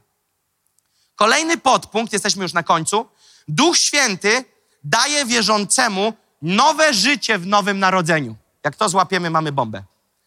Duch Święty daje wierzącemu nowe życie w nowym narodzeniu. Jana 3, werset 6 i 7 mówi tak. Ewangelia Jana, trzeci rozdział, werset 6 i 7 mówi tak. Co się narodziło z ciała, jest ciałem, a co się narodziło z ducha, jest duchem. Nie dziw się, że ci powiedziałem, musicie się na nowo narodzić. Narodzić z ducha. Duch Święty jest, głupio to zabrzmi, jest położną, nie ujmując mu nic. Jest całym, który koordynuje Twój poród. Nowonarodzenie w duchu. Ty myślisz sobie, o Duchu Święty, gdzie Ty jesteś? Mówisz, ja cię, ja, cię, ja, cię, ja cię zrodziłem, synek. Co Ty do mnie mówisz? Ty zanim beme w językach do mnie, to ja już. To ja już Cię miałem. A Ty mnie pytasz, gdzie ja jestem. Duch Święty mówi, w końcu umiesz mówić. To ja Cię zapytam, gdzie byłeś? Przez ostatnie 32 lata. Rozumiecie? A my czasami, gdzie jesteś, Duchu Święty? No, od początku jest. Więc wyrażenie nowonarodzeni chrześcijanie odnosi się do duchowego narodzenia do życia wiecznego. O tym mówi werset 16 w tym samym rozdziale. Uwaga, odnosi się jeszcze raz do duchowego narodzenia do życia wiecznego, którego doświadczają wszyscy, uwaga, którzy pokutują za swoje grzechy i przyjmują w wierze Jezusa Chrystusa jako swojego Zbawiciela i Pana. Inny fragment, który znajdujemy w liście świętego Pawła do Tytusa 3:5, Tytusa 3:5 mówi tak. Odnosi się do odrodzenia i odnowienia Ducha Świętego, co możecie sobie przeczytać. Odrodzenie i odnowienie Ducha Świętego. A więc to jest bardzo kluczowe, ponieważ wielu ludzi, kiedy chcesz wiedzieć, czy on jest, kiedy ja się w szczególności modlę o ludzi i ludzie mi mówią, zmagam się ze strachem, pomóż się o mnie. Powodem, dla którego ja najpierw pytam, czy jesteś nowonarodzony, wiecie dlaczego ja to pytam? Ponieważ jeżeli nie jest, to on jest bezradny, nawet jak ja się o niego pomodlę i on wyjdzie. Więc ja pytam, człowiek nie rozumie, jak to działa, więc mówi, pomóż się, bo chodzę w strachu, Y, depresja. Ale ja mam ten sam miecz, co ty, jeżeli jesteśmy nowonarodzeni. Jeżeli ty nie jesteś nowonarodzony, to ja mogę huknąć przeciwnika, bo mam do tego autorytet, ty nie masz. Więc przeciwnik odpuści do momentu, kiedy ja jestem obok ciebie. No ale wystarczy, że ty pójdziesz, za rogiem on znowu na ciebie wlatuje i ty jesteś bezradny. I ty możesz mu krzyczeć, mówić, nie znoszę cię. Nie masz żadnej siły sprawczej. Pewna kobieta w pewnym mieście, w pewnym kraju, na pewnym kontynencie miała po prostu problemy z demonami. Miała akcję, kiedyś to opowiadałem, ale krótko muszę to opowiedzieć. Ona miała problemy z demonami, miała takie akcje, że demony fizycznie pojawiały się u niej na chacie. Ostra akcja. Ostra akcja. Ona się z nimi biła, one je przewracały, ona leżała na ziemi, biła rzeczy różne. Y, y, lustro pobiła, bo mówiła, że w lustrze one są. Ktoś by powiedział psychicznie? Nie, to były demony.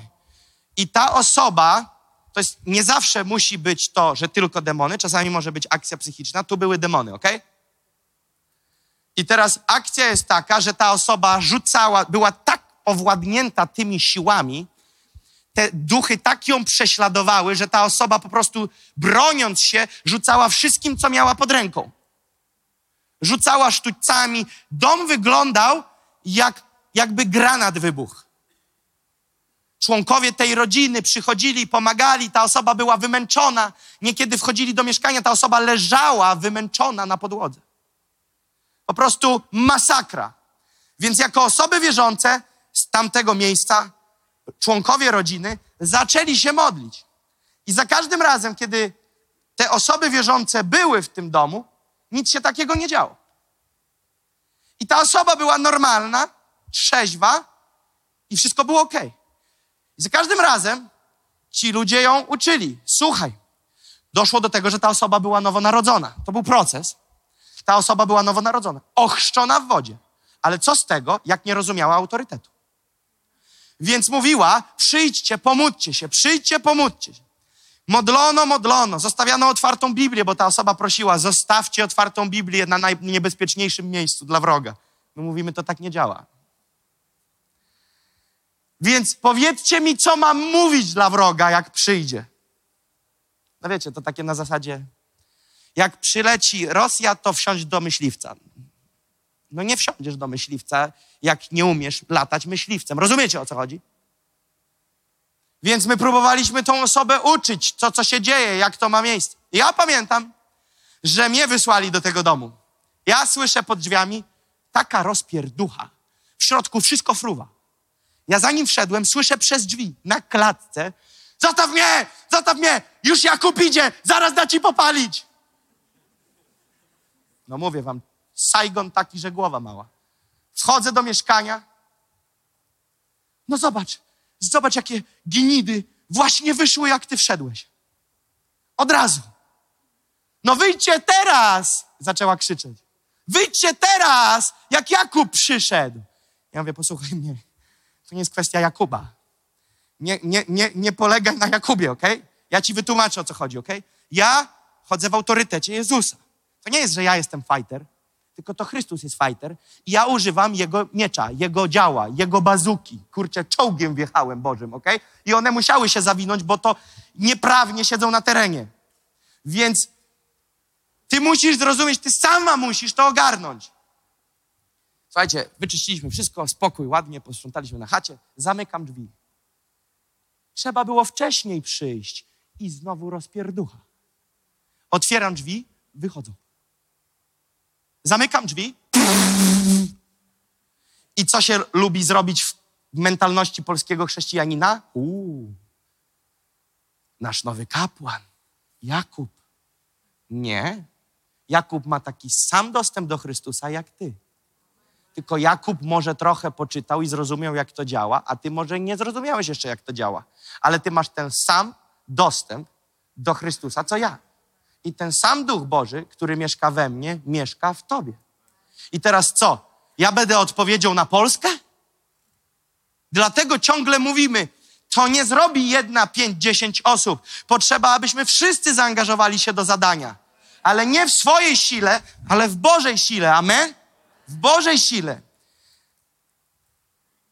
Idziemy. Duch Święty jest naszym pocieszycielem, doradcą, pomocnikiem i orędownikiem.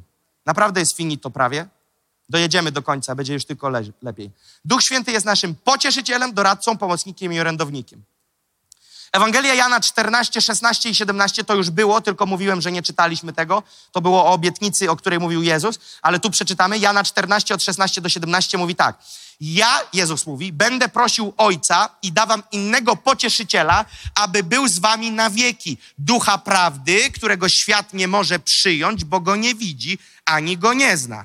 Wy jednak go znacie, gdyż z wami przebywa i w was będzie.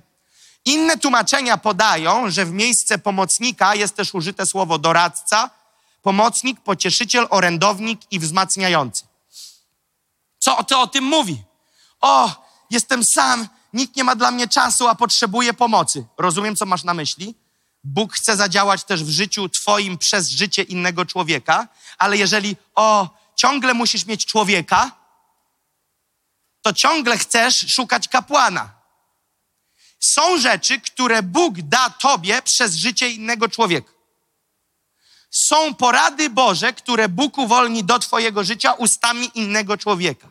Ale podstawowym ABC systemem funkcjonowania, fundamentalnym podejściem w Nowym Przymierzu jest to, że Ty i ja mamy dostęp do pomocnika, orędownika, tego, który wzmacnia i pomaga. To znaczy, że kiedy przychodzi do ciebie myśl, potrzebuję pomocy, to wiesz, do kogo się zgłaszam? Do Ducha Świętego. Przykład? Przyszła do mnie osoba i mówi, no, słyszę, niech ta osoba nie czuje się źle, doceniam to ogromnie, po prostu nie skorzystałem z tej pomocy, ta osoba jest na sali. Ktoś do mnie przyszedł, kilka takich osób przyszło po ostatniej niedzieli. No, słyszymy, jaka jest akcja, mogę pożyczyć 300 tysięcy na TJ. A ja mówię, dziękuję, ale ja nie pożyczę. Na This is our time. Bo ja chcę skorzystać z innej pomocy. Z innej. Moglibyśmy pożyczyć tyle kasy, żeby było jeszcze z górką na This is our time. Pożyczyliśmy tylko jedną kwotę, ponieważ robimy coś takiego, jak stwarzamy całą linię ubrań teraz. Zalejemy polskie chrześcijaństwo ubraniami. Będziemy mieli nawet body dla niemowlaków z napisem Wielki Duch w małym ciele. Będziemy mieli ubrania dla wszystkich kategorii wiekowych. Słuchajcie, finał finałów było to 120 tysięcy, które trzeba wydać na po produkty, na towar, który przyjedzie. I to wierzymy, że odrobimy jeszcze z nawiązką, więc ktoś zaoferował się, że pożyczy nam te pieniądze. Oczywiście na koniec my zwiększyliśmy skalę, wyszło 150 tysięcy, nie 120, ale ktoś nam pożyczył 120 tysięcy. To pożyczyliśmy, bo to oddamy, bo to jest tylko na tą transakcję, a to wróci. Ale re, a to nie jest w budżecie imprezy. Cała impreza, dalej powiedziałem tydzień temu, że potrzebujemy pół miliona, pamiętacie? I pamiętacie, co powiedziałem, że Duch Święty pomoże? Jesteście gotowi? Po nabożeństwie otrzymałem wiadomość, że dostaliśmy 115 tysięcy. Come on! I ty mi powiesz, że człowiek pomaga lepiej niż Bóg. Mogłem biegać po ludziach, błagać na kolanach. Jesteśmy w kryzysie. Błagam, wesprzyj. A mogłem powiedzieć, kaman, jest wizja, jeżeli Bóg cię dotyka. Ludzie kiedyś do mnie przyszli i powiedzieli, kiedy będziesz miał problem finansowy, zadzwoń. Ja mówię, nie zadzwonię.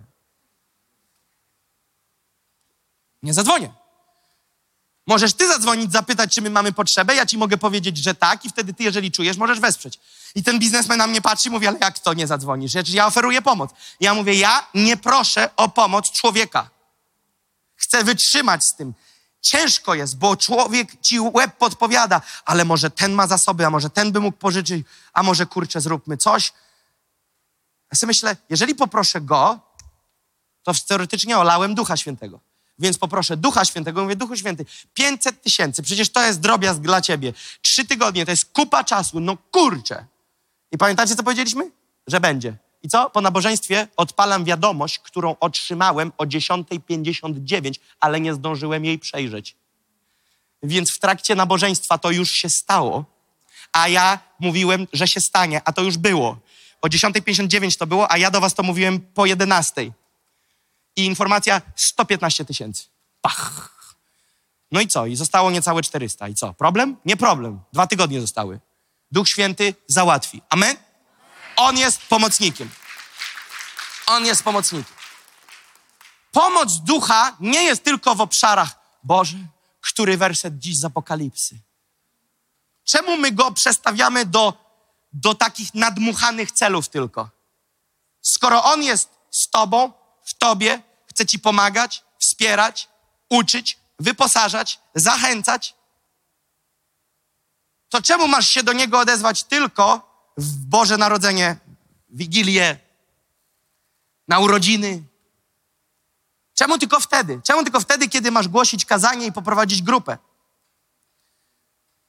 Czasami proszę o takie rzeczy, że sobie myślę, głupio mi Duchu Święty do ciebie o takich rzeczach mówić, ale jeżeli można, to zgłaszam prośbę. I pach, jest. Dzień dobry. Moja żona raz opowiadała, mówi, Duchu Święty, siedziała sobie z Duchu Świętym. Wiecie, że niektórzy myślą, że to są dziwolągi już. Kiedy ktoś opowiada historię, siedzę sobie z Duchem Świętym i rozmawiam sobie z Duchem Świętym. I moja żona kiedyś mówi. I tak sobie pomyślałam, kurczę, Duchu Święty, jak ja bym się napiła takiego świeżego kompotu. I nie pamiętam, kto to Ewa była? Ktoś był, kto przynosi do mojej żony świeży kompot. Sara się popłakała. No bo niecodziennie rozdają kompoty. I pach, kompot.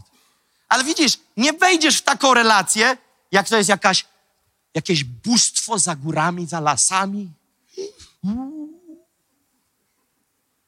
To nie znaczy, że masz o wiesz, tu mój friend, Duch Święty, bo to nie jest szacunek. Mamy dla Niego szacunek, mamy dla Niego respekt, mamy przed Nim bojaźń, ale On też nas wzmacnia, pociesza i idziemy z nim przez życie. Kurczę, jakie to jest łatwe. Jakie to jest łatwiejsze życie. Duch Święty będzie nas uczył i przypomni nam wszystko, czego się nauczyliśmy. Ewangelia Jana 14, 26. 14, 26. Jana 14, 26 mówi tak. Lecz pocieszyciel, Duch Święty, którego Ojciec pośle w moim imieniu, On nauczy was wszystkiego i przypomni wam wszystko, co wam powiedziałem. Nauczy was wszystkiego. Czy to oznacza tylko głosić? Wielu ludzi przed nawróceniem poszło w narkotyki, poszło w jakieś różne dziwne rzeczy, wyprali sobie mózg. Znam ludzi, którzy po prostu mają tak wypalony mózg prochami, że ich głowa nie funkcjonuje. Oni nie potrafią liczyć, oni nie potrafią pisać, wyżarło im głowę. I teraz, o, w zbawieniu w Chrystusie mam wszystko, ale dalej nie umiem czytać i liczyć. Wiesz, co Duch Święty zrobi? Nauczy cię na nowo pisać i liczyć. Czytać, wszystko cię nauczy. Miałem sytuację, raz miałem taką sytuację. Y, Chyba Wika i Tomek byli tego świadkami. W tamtym czasie wiecie, że było zerowo u mnie z hiszpańskim. Sara urodziła i przyjechał tata Sary i mama Sary na poród. To było 4 lata temu, kiedy Dawidek się rodził, ponad 4. To był ich pierwszy raz, teraz byli drugi raz w Warszawie, tak na marginesie. W Polsce znaczy. I, i Sara była świeżo po porodzie, tata Sary miał głosić, ale nie mieliśmy tłumacza z hiszpańskiego na polski, więc wymyśliliśmy, że będzie on głosił po hiszpańsku, Sara będzie tłumaczyć to na angielski, a ja z angielskiego na polski. Kombo takie, że głowa mała. A Sara była świeżo po porodzie i mówię, Sara, nie przychodź na uwielbienie jeszcze, bo ty jeszcze cienko tutaj po prostu po cesarce. Mówię, wtocz się tylko na koniec uwielbienia i prosto na scenę tłumaczyć. Tylko mówię ci, nie spóźnij się, bo będą jaja. Uwielbienie się kończy, nie ma Sary. Ja wchodzę, zapowiadam teścia, nie ma Sary. Teść wychodzi, patrzy na mnie, ja na niego mówię vamos. I przez czas, dopóki Sara nie przyszła, tłumaczyłem z hiszpańskiego na polski.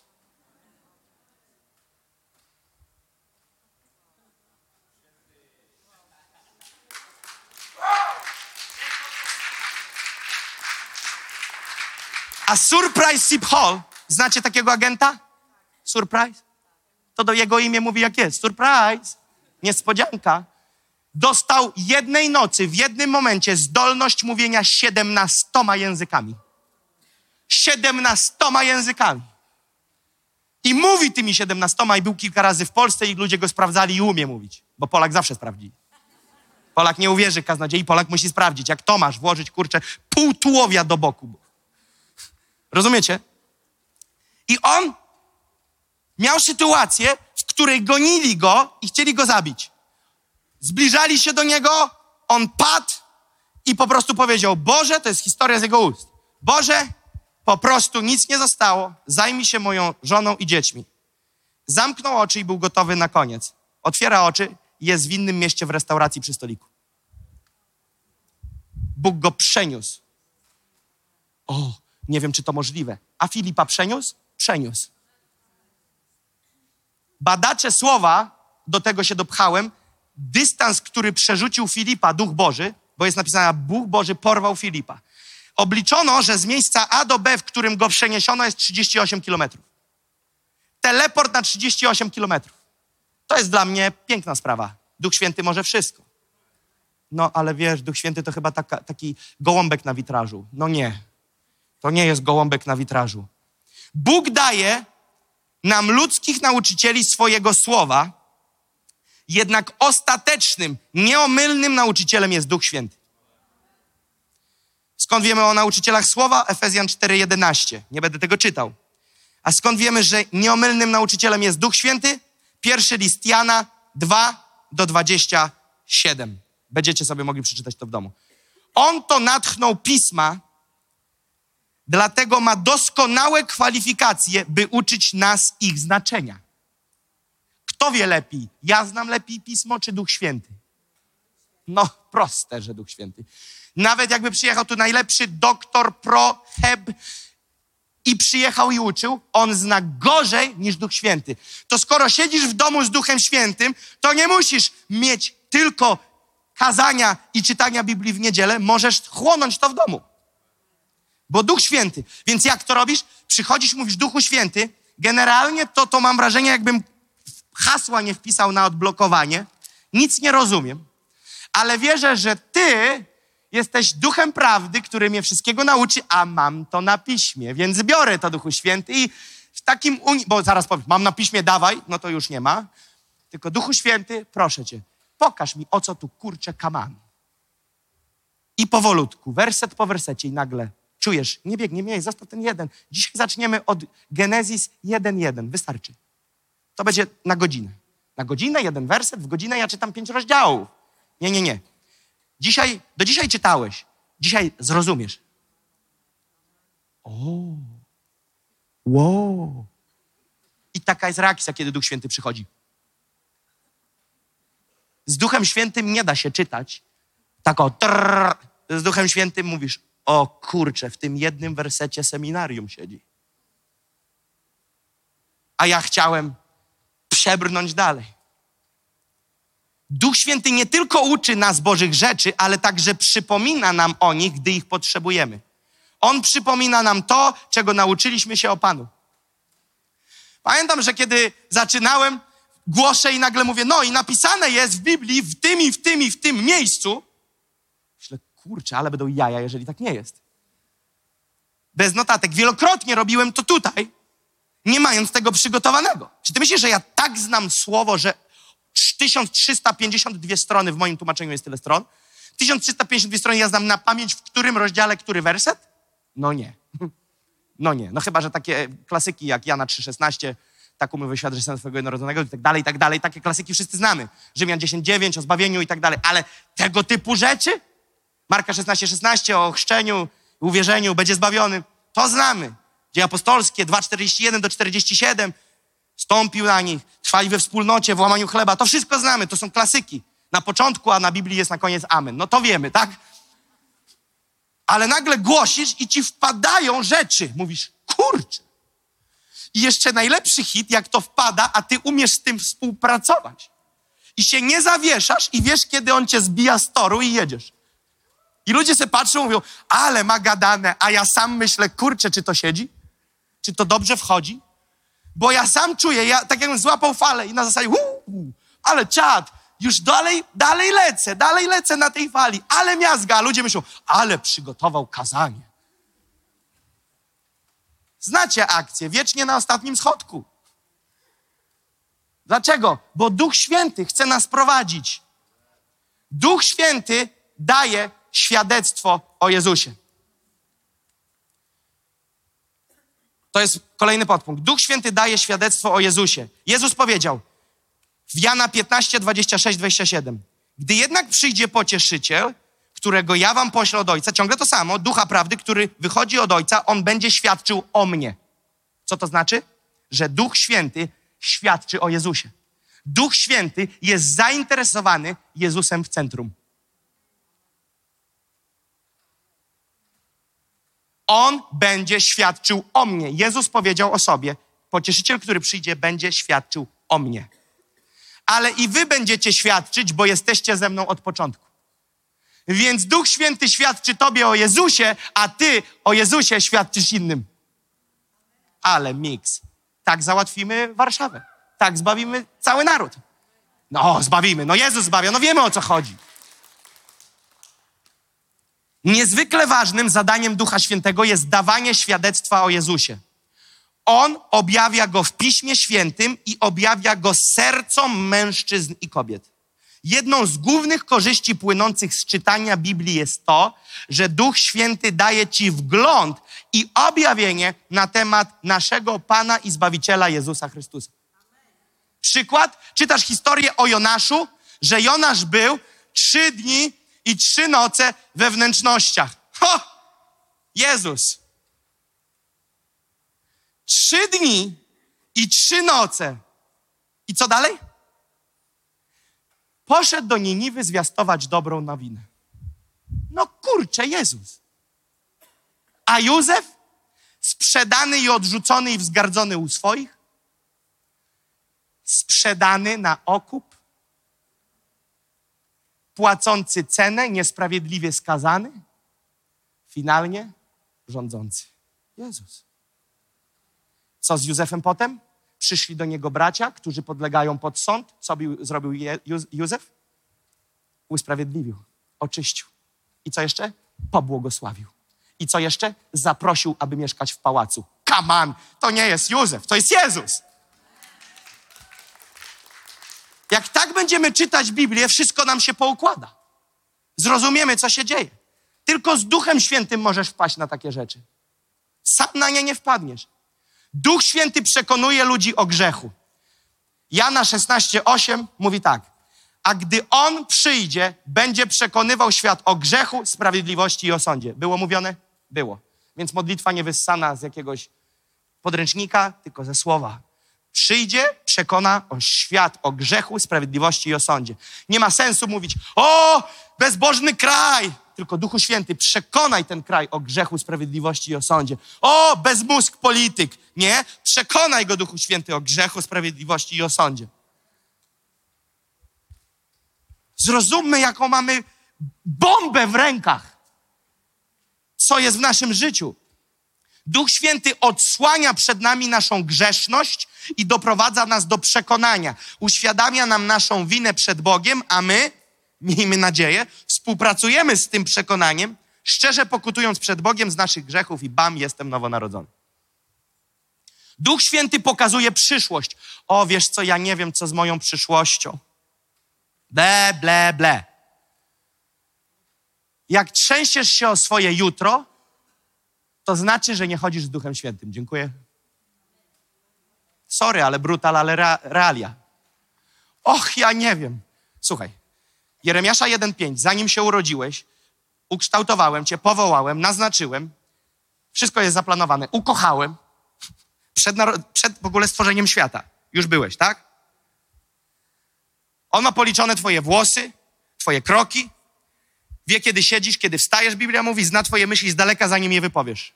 To właśnie teraz Duch Święty mi przypomina wersety na przykład teraz, tak? I co się dzieje? I ty mówisz, ale ja nie wiem, mnie chyba Bóg pominął.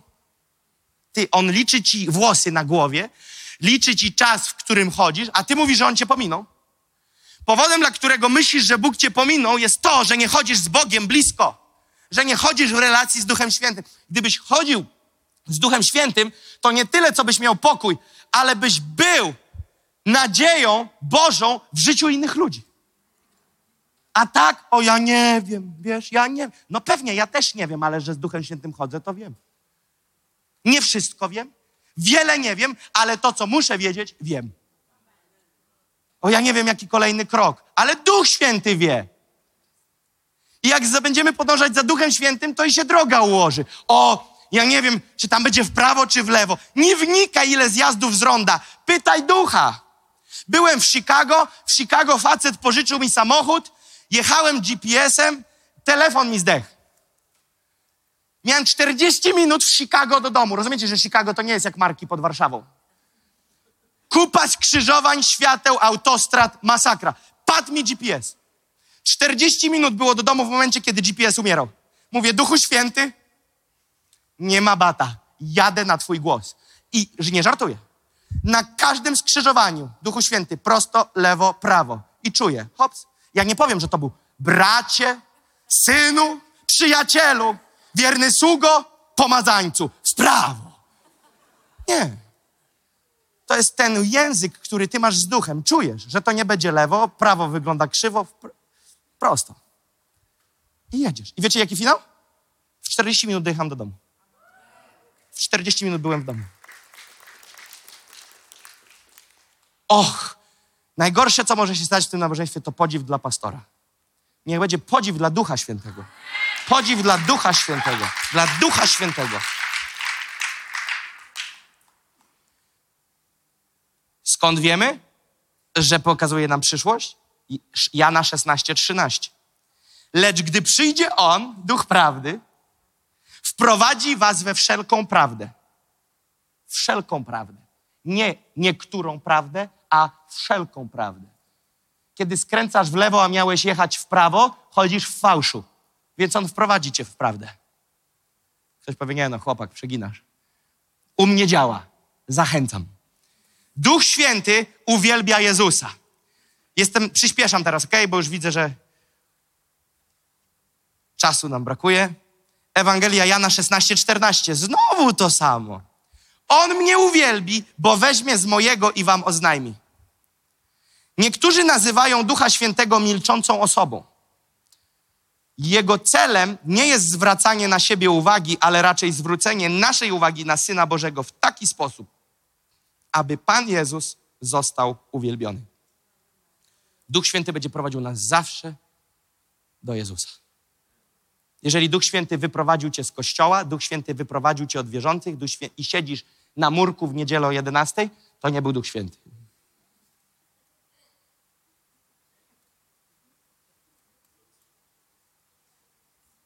Duch Święty jest namaszczeniem i źródłem mocy dla każdego chrześcijańskiego świadectwa. Jest namaszczeniem i źródłem. Pastorze Jakubie, pastorze Jakubie, tak żeby nam nie spłynęło. Nałóż na mnie ręce. No to mam nadzieję, że Duch Święty coś przechyli nad tobą, bo ja, wiecie co ja mogę dać? Rozumiemy o co chodzi? Ja się nakręcam z Duchem Świętym, marynuję się Jego obecnością i ty możesz po prostu czuć kilka voltów ode mnie. Wiesz o co chodzi? Jakbyś dotknął dwa, dwoma śrubokrętami dwie dziury w gniazdku, to byś poczuł prąd. Byś go poczuł. Byś go w końcu poczuł.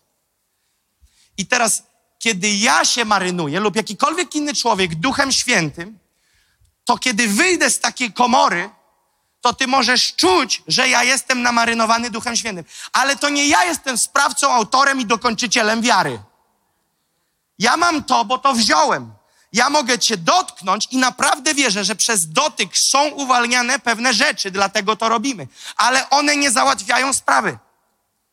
Ja mogę Cię dotknąć i obecność, która jest na mnie, sprawi, że możesz się przewrócić, bo tracisz kontrolę, bo jest moc. To, że upa- nie upadłeś, nie znaczy, że nie było mocy w Twoim życiu lub w życiu kogoś, kto się o Ciebie modlił. Ale niekiedy się aż przewracamy, bo jest petarda. Wiecie, o czym mówię?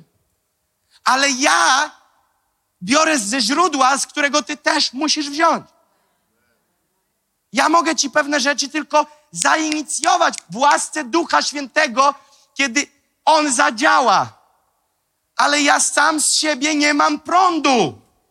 Ja jestem naczyniem takim jak każdy z nas. Nikt z nas nie jest większy w kontekście, o, ten to od zawsze będzie chodził w takich rzeczach, a, a reszta to hołota i będzie się patrzeć na tego jednego. Nie. Nie zgadzam się na taki model. A więc w, napisane jest w Biblii tak. Jan bowiem chrzcił wodą, ale, po, ale wy po niewielu dniach będziecie ochrzczeni Duchem Świętym. Przyjmiecie moc Ducha Świętego, który stąpi na was i będziecie mi świadkami w Jerozolimie, w całej Judei, w Samarii i aż po krańce ziemi. A gdy nadszedł dzień pięćdziesiątnicy, wszyscy zostali napełnieni Duchem Świętym i zaczęli mówić innymi językami, tak jak im Duch pozwalał mówić. Jest to napisane w Dziejach Apostolskich w pierwszym rozdziale oraz w drugim rozdziale. Możecie sobie to poczytać w domu. A więc Duch Święty uzdalnia, wzmacnia chrześcijanina. Wspomina, wspomniana moc przychodzi po, w chrzcie Duchem Świętym. Podobnie jak podczas pierwszej pięćdziesiątnicy w Nowym Testamencie, chrześcijanin napełniony Duchem Świętym będzie mówił innymi językami, ponieważ Duch Święty daje mu tę nadprzyrodzoną zdolność. Celem tego potężnego chrztu w Duchu Świętym jest uczynienie nas efektywnymi świadkami Jezusa Chrystusa. Jak trafnie powiedział kiedyś świętej pamięci ewangelista T.L. Osborne, kto wie o kim mówię? T.L. Osborne, dosyć mocny generał wiary, którego już nie ma, ale się z nim zobaczymy, napisał właśnie taki jest cel pięćdziesiątnicy. Chrzest Duchu Świętym nie jest po to, żebyś ty i tyle, tylko żebyś był efektownym, efektywnym, owocnym świadectwem Jezusa Chrystusa. A mówisz, ale ja nie umiem głosić. Nic nie mów. To nie ty będziesz ich zmieniał. Duch Święty, ty tylko buzię otwórz. Ty tylko buzię otwórz. A może nawet nie otworzysz i ktoś przyjdzie do ciebie i powie, ty jakiś inny. Namarynuj się Duchem Świętym i zobaczysz. Ludzie będą mówić, ty jakiś z innej bajki jesteś. Zamarynuj się Duchem Świętym. I będzie się działo. Duch Święty natchnął Pismo Święte. To przede wszystkim wiedząc, że żadne proroctwo pisma nie podlega własnemu wykładowi. Nie z ludzkiej bowiem woli przyniesione zostało kiedyś proroctwo, ale święci Boży ludzie przemawiali prowadzeni przez Ducha Świętego. Jest to drugi list świętego Piotra, 1 od 20 do 21. Wiem, że jest długo, jest za pięć druga. Wiem, nie musicie po cichaczu sprawdzać, powiem wam, jest za pięć druga. Już kończę. Chcemy przejść to, to jest ta lekcja i ta druga, która będzie za tydzień, jest taka najintensywniejsza, jeżeli chodzi o ilość materiału. Kolejne będą już skromniejsze, ale musimy to przebrnąć, jeżeli chcemy być kościołem czasów ostatecznych. A więc Duch Święty natchnął Pismo Święte. Jak to ujmuje angielskie tłumaczenie Biblii NIV, natchnieni autorzy Pisma Świętego mówili od Boga, gdy byli prowadzeni przez Ducha Świętego. To pomaga nam zrozumieć, dlaczego Duch Święty jest najlepszym nauczycielem tego, co oznaczają pisma, ponieważ On sam je natchnął. Dlatego mówimy, że kiedy zespół wielbienia wychodzi, kiedy mówca tu wychodzi, kiedy jakikolwiek pastor, kaznodzieja lub ktokolwiek wychodzi, musi polegać na Duchu Świętym. Ponieważ nie będzie mówił to, co mu się tam wydaje, tylko niech się podda pod posłuszeństwo Duchowi Świętemu i będzie mówił to, co Duch Święty mu mówi. Pach! Widzicie to? Wtedy jest w tym życie.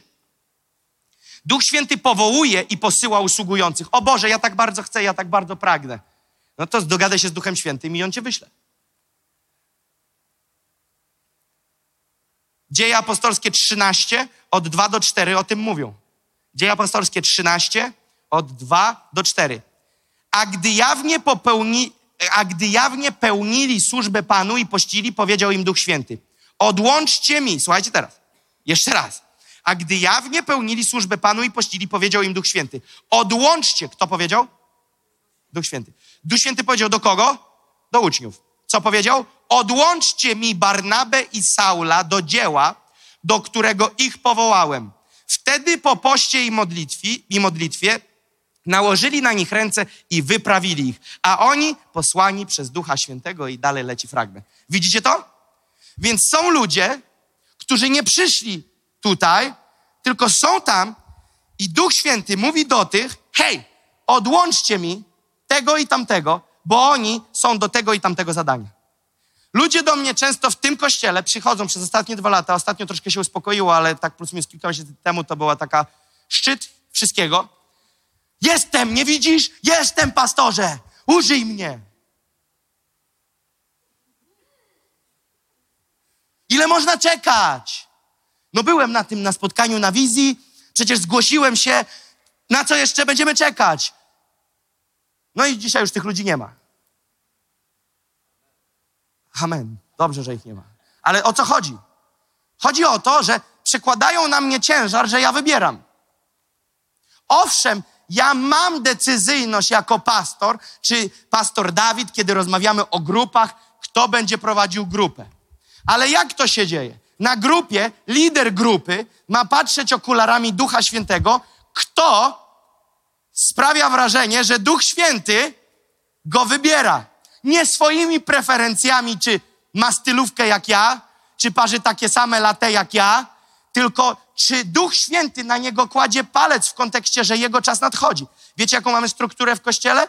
Taki lider, mamy nową, nową terminologię, koordynator grupy, koordynator grupy widzi, że jest Hania i że Hania widzi, że kurczę, Duch Święty coś działa. Hania tego nie chce, ale Duch Święty chce. Więc wtedy co się dzieje? Koordynator będzie zgłaszał do opiekuna swojego. Opiekun dla pastora Dawida i pastor Dawid przyjrzy się tym człowiekowi temu oraz w Duchu Świętym. Modlimy się nie 20 dni, 20 nocy i pościmy za jedną decyzję, tylko Duchu Święty. Tak, nie. Czy dajesz jakieś przeciwwskazania? Mamy dwóch, trzech świadków, pozytywną opinię, nie umie jeszcze wszystkiego, ale widzimy pozytywny raport. Twoim modelem jest, aby się to rozwijało, więc o to prosić nie musimy. Pytanie, czy ty masz jakieś przeciwwskazania co do tej osoby? Nie? Okej, okay. wjeżdżamy. Ja, ja chcę być liderem grupy. To zgłoś do Ducha Świętego. Nawet jak ja i wszyscy inni po drodze są gusi, to Duch Święty cię stąd zabierze i będziesz liderem gdzieś indziej. Ja, ja, ja. A czasami są jaja. Wiecie dlaczego? Ale wiecie dlaczego? Wiem, że śmiesznie było, ale Bo ja czasami kogoś chcę. Widzę, kurczę, ta osoba perfekto do tego zadania. I wtedy Duch Święty mówi, Mm-mm. ja mówię, kurczę. I najgorsze będzie to, Duchu Święty, że oni będą myśleć, że ja jestem winny. A tu jest największe kombo, bo ja chcę, ale ty nie chcesz. Bo ta osoba nie ma czegoś uregulowanego jeszcze ze mną. Uuu, okej, to ja się nie wtrącam. Czy chcę powiedzieć, że wiecznie słyszę Boga? Nie, nie chcę z siebie robić tutaj nie wiadomo kogo. Czy bezbłędnie chodzę? Nie. O błędach wiem, a i o tych, o których nie wiem, jest pewnie więcej o tych niż wiem. Ale co chcę powiedzieć? Nastawiamy się na prowadzenie Ducha Świętego w tym kościele, ok? Nastawiamy się na prowadzenie Ducha Świętego. Bez Ducha Świętego leżymy, nie ma tego tworu. Nie ma. Nie ma. A więc Duch Święty wykonuje Boże prawo i przywilej powoływania i wysyłania sług. W tym przypadku było to dwóch apostołów, Barnaba i Szaweł, czyli Paweł. Zauważmy też, że jest to jeszcze jeden powód, na, który pokazuje pełnię i bogactwo Ducha Świętego jako Boga i jako osoby. Jaką On ma niezwykłą rolę w tym wszystkim. On w każdym elemencie Twojego życia, prywatnego, służbowego, kościołowego, małżeńskiego, jest zaangażowany. Pytanie, czy go wpuścisz. Duch, Michale, pomożesz? Duch Święty czasami ogranicza nas do, pra, do pewnych działań. Uwaga, Duch Święty czasami nas zatrzymuje. My chcemy coś zrobić, a Duch Święty zatrzymuje. Skąd to wiem? Bo jest napisane w Dziejach Apostolskich 16 od 6 do 7. Słuchajcie tego. To są wersety, które są szokujące. Jesteście gotowi? To będzie szok. Ale to nie jest jakaś Biblia Jakuba Kamińskiego. Uwaga. Dzieje apostolskie 16, 6, 7. Gdy przeszli Frygię i krainę galacką, Duch Święty zabronił im głosić Słowo Boże w Azji. Gdy przybyli do Myzji, próbowali pójść do Bitynii, ale im Duch nie pozwolił. Wow, kosmos. Jak to? Duch Święty zabronił, bo wiecie po, po, co oni poszli? To jest po zesłaniu ducha i oni się rozłączyli i w świat. Jeden, jedno życie mieli, jedną misję. Głosić wszędzie, gdzie się da. Więc idą w jednym kierunku, a Duch Święty mówi, nie głosicie. Jak to kurczę, nie głosimy? Przecież to się nie klei. Przecież mamy głosić, powiedział nam Jerozolima, Judea, Samaria i krańce ziemi. Ale pytanie brzmi tak, czy te krańce ziemi są duże czy małe? Duże. To może nie Azja, a Europa, co? Jeżeli Bóg mówi nie, to dlatego, że ma lepsze tak. Więc przeczytajmy dalej. Paweł i jego towarzystwo z pewnością w dobrych intencjach zmierzali do prowincji Azji, a także do Bitynii, aby głosić Ewangelię. Jednak w obu przypadkach Duch Święty przeszkodził im w tym. Wkrótce potem, więc trzeba Biblię doczytać do końca, żeby zrozumieć, wkrótce potem widzimy przyczynę działania Ducha w wersecie dziewiątym i dziesiątym. Gdyż Paweł otrzymał wizję od Boga, wzywającą go do głoszenia Ewangelii w Macedonii, gdzie zbierane było żniwo dusz dla Pana. To nie było momentum Bytynii. Miała być Macedonia. Nie ten moment. Duch Święty mówi, tam wrócimy. Kairos jest teraz tam. Wjeżdżaj. Siu. Jednym z najcięższych zadań, jest ich kilka w moim życiu, jest to, kiedy jakiś kościół mnie zaprasza, a ja, a ja mówię nie. Dla mnie najgorzej. Bo mało kto uwierzy, że, że jest jak jest. Naj, najczęściej będzie Jakub podrzucił zaproszenie. On do takich miast nie jeździ. Słyszałem mnóstwo takich historii. On nie ma czasu. Do niego się nie dopchasz. Bla, bla, bla. Ale ci z Was, którzy byli we wtorek, usłyszeli pewne rzeczy, które dzieliłem się z Wami, co Bóg mówił do mojego życia. Nie jeździ wszędzie, tylko tam, gdzie Ci wskaże. Więc co robię? Przychodzi coś? Co ja robię? Jak myślicie, wygląda pytanie Ducha Świętego? Kładę runo na trawę i czekam, że jak będzie sucho, to będzie mokre, a jak rosa rano, to runo suche? No nie bawię się w Gedeona. robię inaczej. Duchu Święty. Jeżeli jesteś blisko, to usłyszysz. Zawsze sobie puszczam worship w tle, pomaga mi. Przy decyzjach zawsze. Okej, Duchu Święty, więc jest kwestia. Cztery miasta. Najczęściej to się dzieje tak, że zaproszenia spływają do Natalii. Natalia ma mój stary numer, pastorzy dzwonią do niej, pastorzy wysyłają różne wiadomości. Natalia przychodzi, mówi, mamy cztery zaproszenia. Kładzie mi je, ja sobie je zapisuję, mówię, dzięki Natalia, odezwę się. I po prostu mówię, ok, miasto A.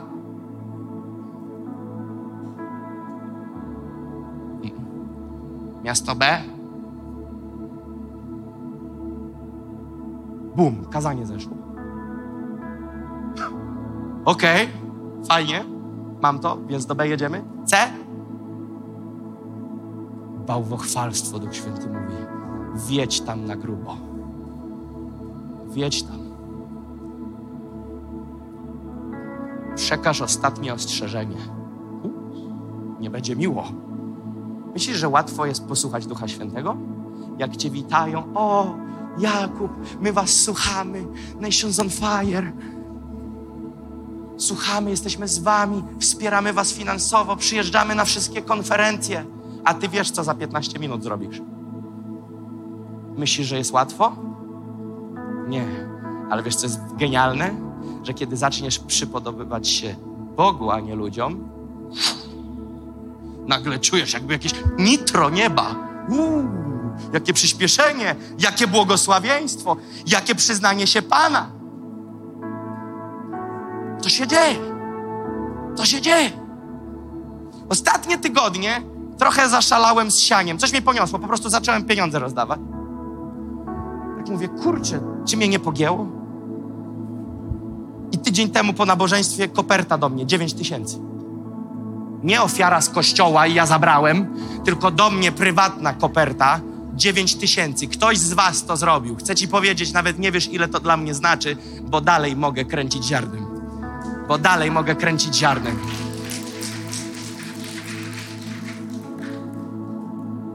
Jest taki model, w który wchodzisz, że się zatracasz w duchu. I myślisz sobie, czy ja już oszalałem? Co się dzieje? Więc Duch Święty czasami ogranicza nas w pewnych zadaniach. Duch Święty wypełnia nasze serca Bożą miłością. O, brakuje mi miłości. A Biblia mówi w Rzymian 5:5, ponieważ miłość Boga jest rozlana w naszych sercach przez Ducha Świętego. O, ja czuję się taki bez miłości, czuję się taki pusty. A Biblia mówi, że Boża miłość jest rozlana w naszych sercach przez Ducha Świętego. Nie doznałeś jeszcze wylewu miłości? Zagadaj z Duchem Świętym. Będziesz leżał pod mocą i pod miłością. To jest najpiękniejsze, co jest w moim życiu tutaj na ziemi.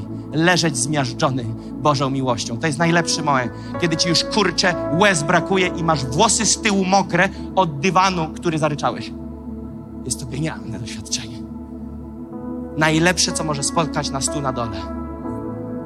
Zalany. Zalany. Wiecie, co jest? Zalany jesteś Duchem Świętym, Jego miłością. Jedyne, co podstaw się pod dystrybutor. Niech Cię zaleje. Duch Święty, jest napisane w Galacjan 5:22, napełnia nasze serca świadomością miłości Boga do nas. O, wiesz co, ja nie czuję, że Bóg mnie kocha, wydaje mi się, że mnie nie kocha. A Biblia mówi w Galacjan 5:22, że to Duch Święty napełnia nasze serca świadomością miłości Boga do nas, a także napełnia nasze serca miłością, którą możemy wyrażać wobec innych. Wiesz co, mam nienawiść do wszystkich ludzi. To nie masz miłości Ducha Świętego w sobie. Bo ta miłość by po prostu wylewała się z ciebie i na zewnątrz, i na zewnątrz, i na zewnątrz. To nie trzeba tak, że kochaj innych, kurczę, co za zgredy, ale muszę. Nie, to się z ciebie wylewa naturalnie. Po prostu jesteś zalany Jego miłością i zalewasz innych. Duch Święty prowadzi dzieci Boże. Rzymian 8:14 mówi: Wszyscy bowiem ci, którzy są prowadzeni przez Ducha Bożego, są synami Bożymi. Nie jesteś sierotą, jesteś prowadzony. Kiedy czytamy Pismo Święte, Duch Święty daje nam kierunek i wskazówki, a kiedy szukamy Boga w modlitwie, Duch wiernie prowadzi nas drogami, którymi powinniśmy podążać.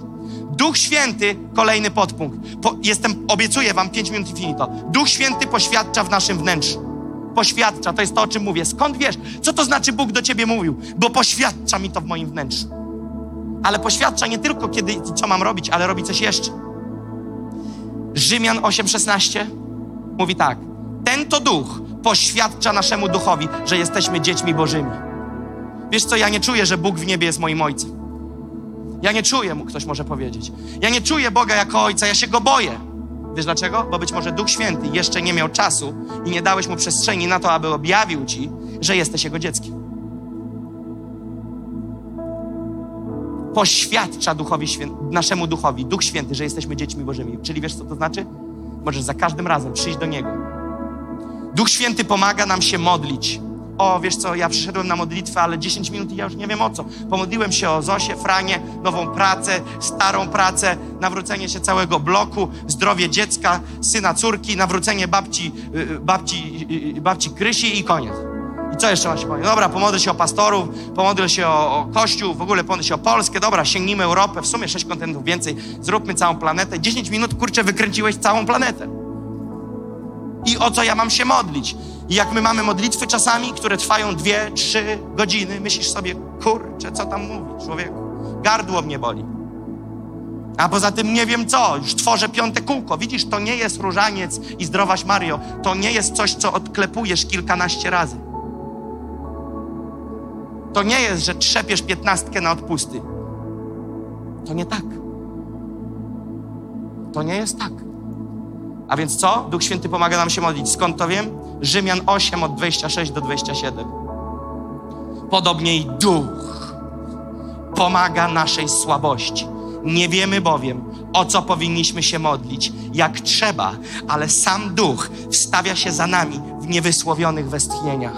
A ten, który bada serca, wie, jaki jest zamysł Ducha, ponieważ według woli Boga wstawia się za świętymi. Come on. Duch Święty jest niezastąpioną pomocą w naszym życiu modlitewnym, w naszej słabości. Często nie jesteśmy pewni, o co się modlić, ale Duch Święty przychodzi nam z pomocą i pomaga nam się modlić według woli Boga. Może nie powinienem, ale powiem. Wiecie, że Filip i Emilka się zaręczyli? Emilka, ja nie wiem, czy ci Filipek powiedział, ale ja wiedziałem o jego planach. Troszkę wcześniej. I wiecie, co robiłem? Kiedy wiedziałem, co idzie, pewnego dnia czuję, w ciągu dnia pomodlić się o nich. Po prostu, pach. I niekiedy Bóg mi pokazuje wasze twarze, kiedy jestem w trakcie różnych zadań. I widzę twarz. Czasami nie widzę imienia, czasami nie znam waszego imienia, ale widzę twarz. I się modlę. Duchu Święty, come on. O Mariusza się modliłem. O Mariusza się modliłem. Mariusz siedzi dzisiaj z nami. Modliliśmy się o wielu innych ludzi. Modliłem się. Modlę się o tych, którzy widzę gasną. Czy ja biorę 250 nazwisk i jeden po jeden, Boże? Nie. Mówię, Boże, zbudź ich. Zbudź tą osobę. Czasami się modlę, widzę, że ktoś ma jazdę, ma świra, teraz program dziewczyna, program chłopak, ajba się włącza. Mówię, Duchu Święty, niech kurczę nie zwariują. Nie dlatego, że ktoś mi powie, że tylko coś widzę. Duchu Święty, na ile wkleją się w siebie za mocno, na tyle będzie ich bolało. I Bóg pokazuje. A pamiętacie, jak kiedyś mieliśmy wieczór uwielbienia i nagle mówimy, pomodlimy się o kościoły. Wiecie, że modliliśmy się o około 40 kościołów? A ja nie miałem tej rozpiski. I Bóg dawał imiona i nazwiska i kościoły, nazwy kościołów z denominacją, z całym członem. Znajdźcie to w internecie, to jest. I stałem tu i przez godzinę chyba łupałem kościół za kościołem, imiona pastorów. Niektórych wymieniałem, mówię, modlimy się teraz o ich dzieci. Kurczę! Skąd to przychodzi? O, przyszliśmy na wieczór uwielbienia, wiemy co będzie. Zas zagrają nam, no teraz jest więcej osób w zespole, więc ewentualnie atrakcja będzie taka, że będzie nowa twarz w zespole. Może zagrają jakąś nową piosenkę. Serio? Przychodzisz tak na wieczór uwielbienia? Przychodzisz tak na nabożeństwo? Bo wiesz, jak ja przychodzę, Duchu Święty, sieknij dzisiaj swoim działaniem. Zrób coś, czego nie grali jeszcze, kurczę. Nie chcemy monotonii. Nie chodzi o to, że program nas nudzi, ale chodzi o to, żeby być w ciągłym oczekiwaniu. Duchu Święty, Ty dziś możesz zrobić coś świeżego. Ty dzisiaj możesz zrobić coś nowego. Ty dzisiaj możesz zadziałać w sposób, w jaki nie działałeś wczoraj. Ześlij świeżą mannę. Ześlij świeżą mannę. A więc On pomaga nam się modlić. Nie wiesz, jak się modlić? To nie rąb o wszystko, tylko powiedz Duchu Święty. Chcę być Twoim instrumentem teraz. Uwolnij swoje słowa w moich ustach. I nagle, jeżeli jesteś ochrzczony Duchem Świętym, a to będzie kolejna lekcja, szato korebasai. I modlisz się i zaczynasz widzieć obrazy. O, szato rederebenesai. Dlatego czasami, jak o was niektórych z was się modliłem, mogliście to usłyszeć, zacząłem na językach. Dlaczego? Bo ja nie wiem, co się modlić. Więc modlę się w językach. Koto, szato rederebenesai. I nagle, modląc się w językach, czuję, o co się modli. I wtedy, pach, Boże, ja ogłaszam, że sezon smutku i depresji w tym życiu jest złamany. Ja modlę się o autorytet, o objawienie autorytetu w życiu tego człowieka. Jesteś nowonarodzony? Jestem. Modlę się o objawienie autorytetu w życiu tego człowieka. Co może w tobie? Następny. Ostatnio? Na liderskim? Może były z 3-4 osoby, do których nie miałem słowa. Z 35-40 osób, do każdego było jakieś słowo. Skąd? Myślisz, że ja sobie je rozpisałem? Ja już wiedziałem, co było. Była 23 i ja widzę, że kończyć. Już jest koniec, już jest wszystko powiedziane, co miało być. Modlimy się i ja czuję. Nakładać ręce. Nie wiem, co dalej. Ale wiem, że jak to tak będzie, to się szybko nie skończy. Więc co zrobiłem? Podniosłem pulpit, wyniosłem do tyłu, stolik do tyłu. Mówię, przyjdźmy wszyscy do przodu. W momencie, kiedy przyszli, nie zaczynam od prawej do lewej, jak jedzie. Czasami ludzie myślą, o, minął mnie. Wiesz dlaczego? Bo w tym momencie nie wiedziałem, o co się modlić, idę dalej. Idę do tych, o których wiem. Więc idę dalej. To nie, że ty mi się nie podobasz, tylko przechodzę dalej. Bo nie wiem, nie wiem, ja sami nic nie mam. Wszystko zależne od Niego. Więc Duch Święty nagle pokazuje ci tu. A czasami mamy takie akcje, na, na, najgorzej Andrzej ma, bo czasami przepycha się między ludźmi, żeby pomóc asekurować, a ja mówię nagle, zmiana, powrót, tam ktoś był. Szukasz tego kogoś, bo wiesz, że Duch Święty coś dla kogoś miał. Patrzysz kogo, kogo obserwujesz. Czasami myślicie, patrz jak wariat po ludziach. Bo ja szukam, kto to był, bo wiem słowo, ale nie wiem na kogo zrzucić. Wiem i szukam. Czy to on, czy to ona? Nie, nie. Na kogo to było? O, tam, tam? Nie, tam. Duch mówi. Idziemy dalej, Andrzej. Nazywa się to potocznie służba ducha. Służba ducha. I ostatnie dwa podpunkty, podpunkty. Duch Święty daje nam dary Ducha Świętego. Pierwszy list świętego Pawła do Koryntian 12, 4. 1 Koryntian 12, 4 oraz wersety później 8 do 11 mówi tak. A różne są dary, lecz ten sam duch. Jednemu bowiem przez ducha jest dana mowa mądrości, drugiemu mowa wiedzy, przez tego samego ducha innemu wiara w tym samym duchu, innemu dar uzdrawiania w tym samym duchu, innemu dar czynienia cudów, innemu proroctwo, innemu rozróżnianie duchów, innemu różne rodzaje języków, a innemu tłumaczenie języków. A to wszystko sprawia jeden i ten sam duch, udzielając każdemu z osobna jak chce. O, ja tak chcę darów, pastorze, pomóc się o mnie. Mogę pomodlić się, żebyś zagadał z Duchem Świętym o dary. I mogę pomodlić się, żeby to, co zaplanował dla ciebie Duch Święty, się wydarzyło, ale ja nie mam dźwigni zrzucającej te dary. Nie mam. Ja nie mam zwolnienia blokady. Jak piłeczki w lotto wypadają do maszyny losującej. Ja jej nie mam. Duch Święty suwerennie, jak chce, udziela darów ducha ludowi Bożemu. Są to tak bardzo potrzebne rzeczy, jak prorokowanie, uzdrawianie i dar czynienia cudów. W naszych czasach nadal udziela Duch Święty tych nadprzyrodzonych darów ludziom napełnionym Duchem Świętym, podobnie jak to miało miejsce we wczesnym Kościele. I ostatni, Duch Święty uzdalnia wierzącego do wydawania owoców pobożnego życia i do wzrastania w świętości. O, wiesz co, Jakubie, ja się nawróciłem trzy lata temu, ale nie widać u mnie zmiany. To dlatego wielokrotnie mówiłem, że modlitwa Panie Jezu, dziękuję, przyjmuję, pokutuję, przepraszam, amen, tak zwana modlitwa grzesznika nie załatwia sprawy. Modlitwa grzesznika otwiera dostęp, ale później jest przed Tobą proces. Później jest przed Tobą proces. Więc Biblia mówi nam w Galacjan 5, 22, 23 i to jest ostatni werset, który dziś czytamy. W Galacjan 5 od 22 do 23. Biblia mówi tak. Owocem zaś ducha jest. Owocem czego? Ducha. Jest miłość, radość, pokój, cierpliwość, życzliwość, dobroć, wiara, łagodność, powściągliwość. Masz te rzeczy? Na tyle, na ile chodzisz z Duchem Świętym. Brakuje ci cierpliwości? Na tyle w obszarze cierpliwości nie, nie pracujesz z Duchem Świętym. Bo później możesz dzielić to na sektory swojego życia. Duchu Święty, generalnie mam problem z cierpliwością, ok? Turbo mam ograniczony zakres cierpliwości. Duchu Święty, jak kurczę już wybucha, to jest po zawodach. Proszę Cię, zoperuj to we mnie. Ja chcę spędzić z Tobą czas, przemień mnie. Daj mi nawet sytuacje, które mnie wykręcą jak gąbkę.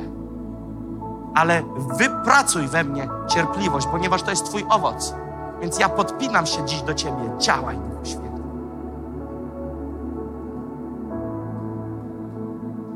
Duch Święty kształtuje nasz charakter, umieszczając w chętnym wierzącym wymienione tu Boże zalety. Współpracując z Jego zasiewem tych owoców w nas, będziemy coraz bardziej wzrastać do pożądanego, świętego i chrystusowego charakteru. Cóż dodać? Kochani, powstajmy. Jest czas, aby Kościół zrozumiał, że my bez Ducha Świętego nie żyjemy.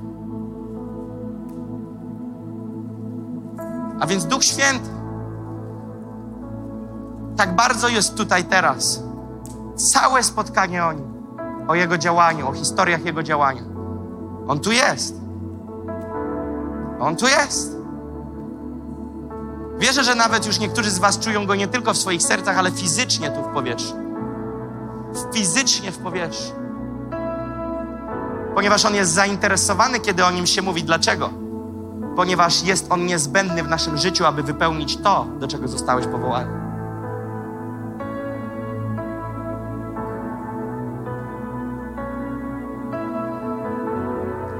Potrzebujemy. Chciałbym powiedzieć, że teraz jest taka chwila, i aby nikt nie wychodził, abyśmy naprawdę oddali ten czas. Tych kilku chwil teraz na Twoje rzeczy, prywatnie, z Twojego serca, które wylejesz przed Duchem Świętym. Ty wiesz, co mu powiedzieć. Na pewno każdy z nas został rozciągnięty w pewien sposób dziś odnośnie tego, kim jest Duch Święty. Więc możesz mu na przykład powiedzieć, jeżeli chcesz na start, Duchu Święty, ograniczałem Cię totalnie. Ale dzisiaj dziękuję Ci, Duchu Święty, że dane mi było usłyszeć, kim jesteś. Jednak to, że dzisiaj usłyszałem, kim jesteś, nie sprawia, że znam Cię, jakim jesteś. On tu jest.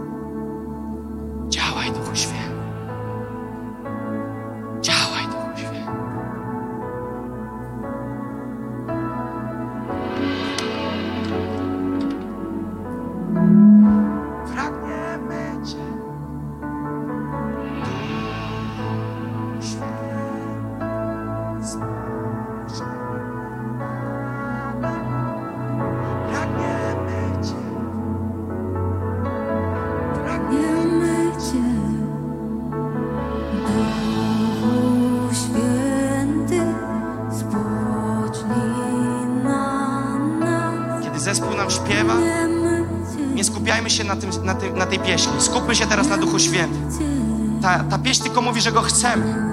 Ale nie śpiewaj teraz tej pieśni. Wielokrotnie już ją śpiewaliśmy. Mów do Niego. Niech to będzie taka, taki podkład do Twojej rozmowy z Duchem Świętym. Pragniemy Cię.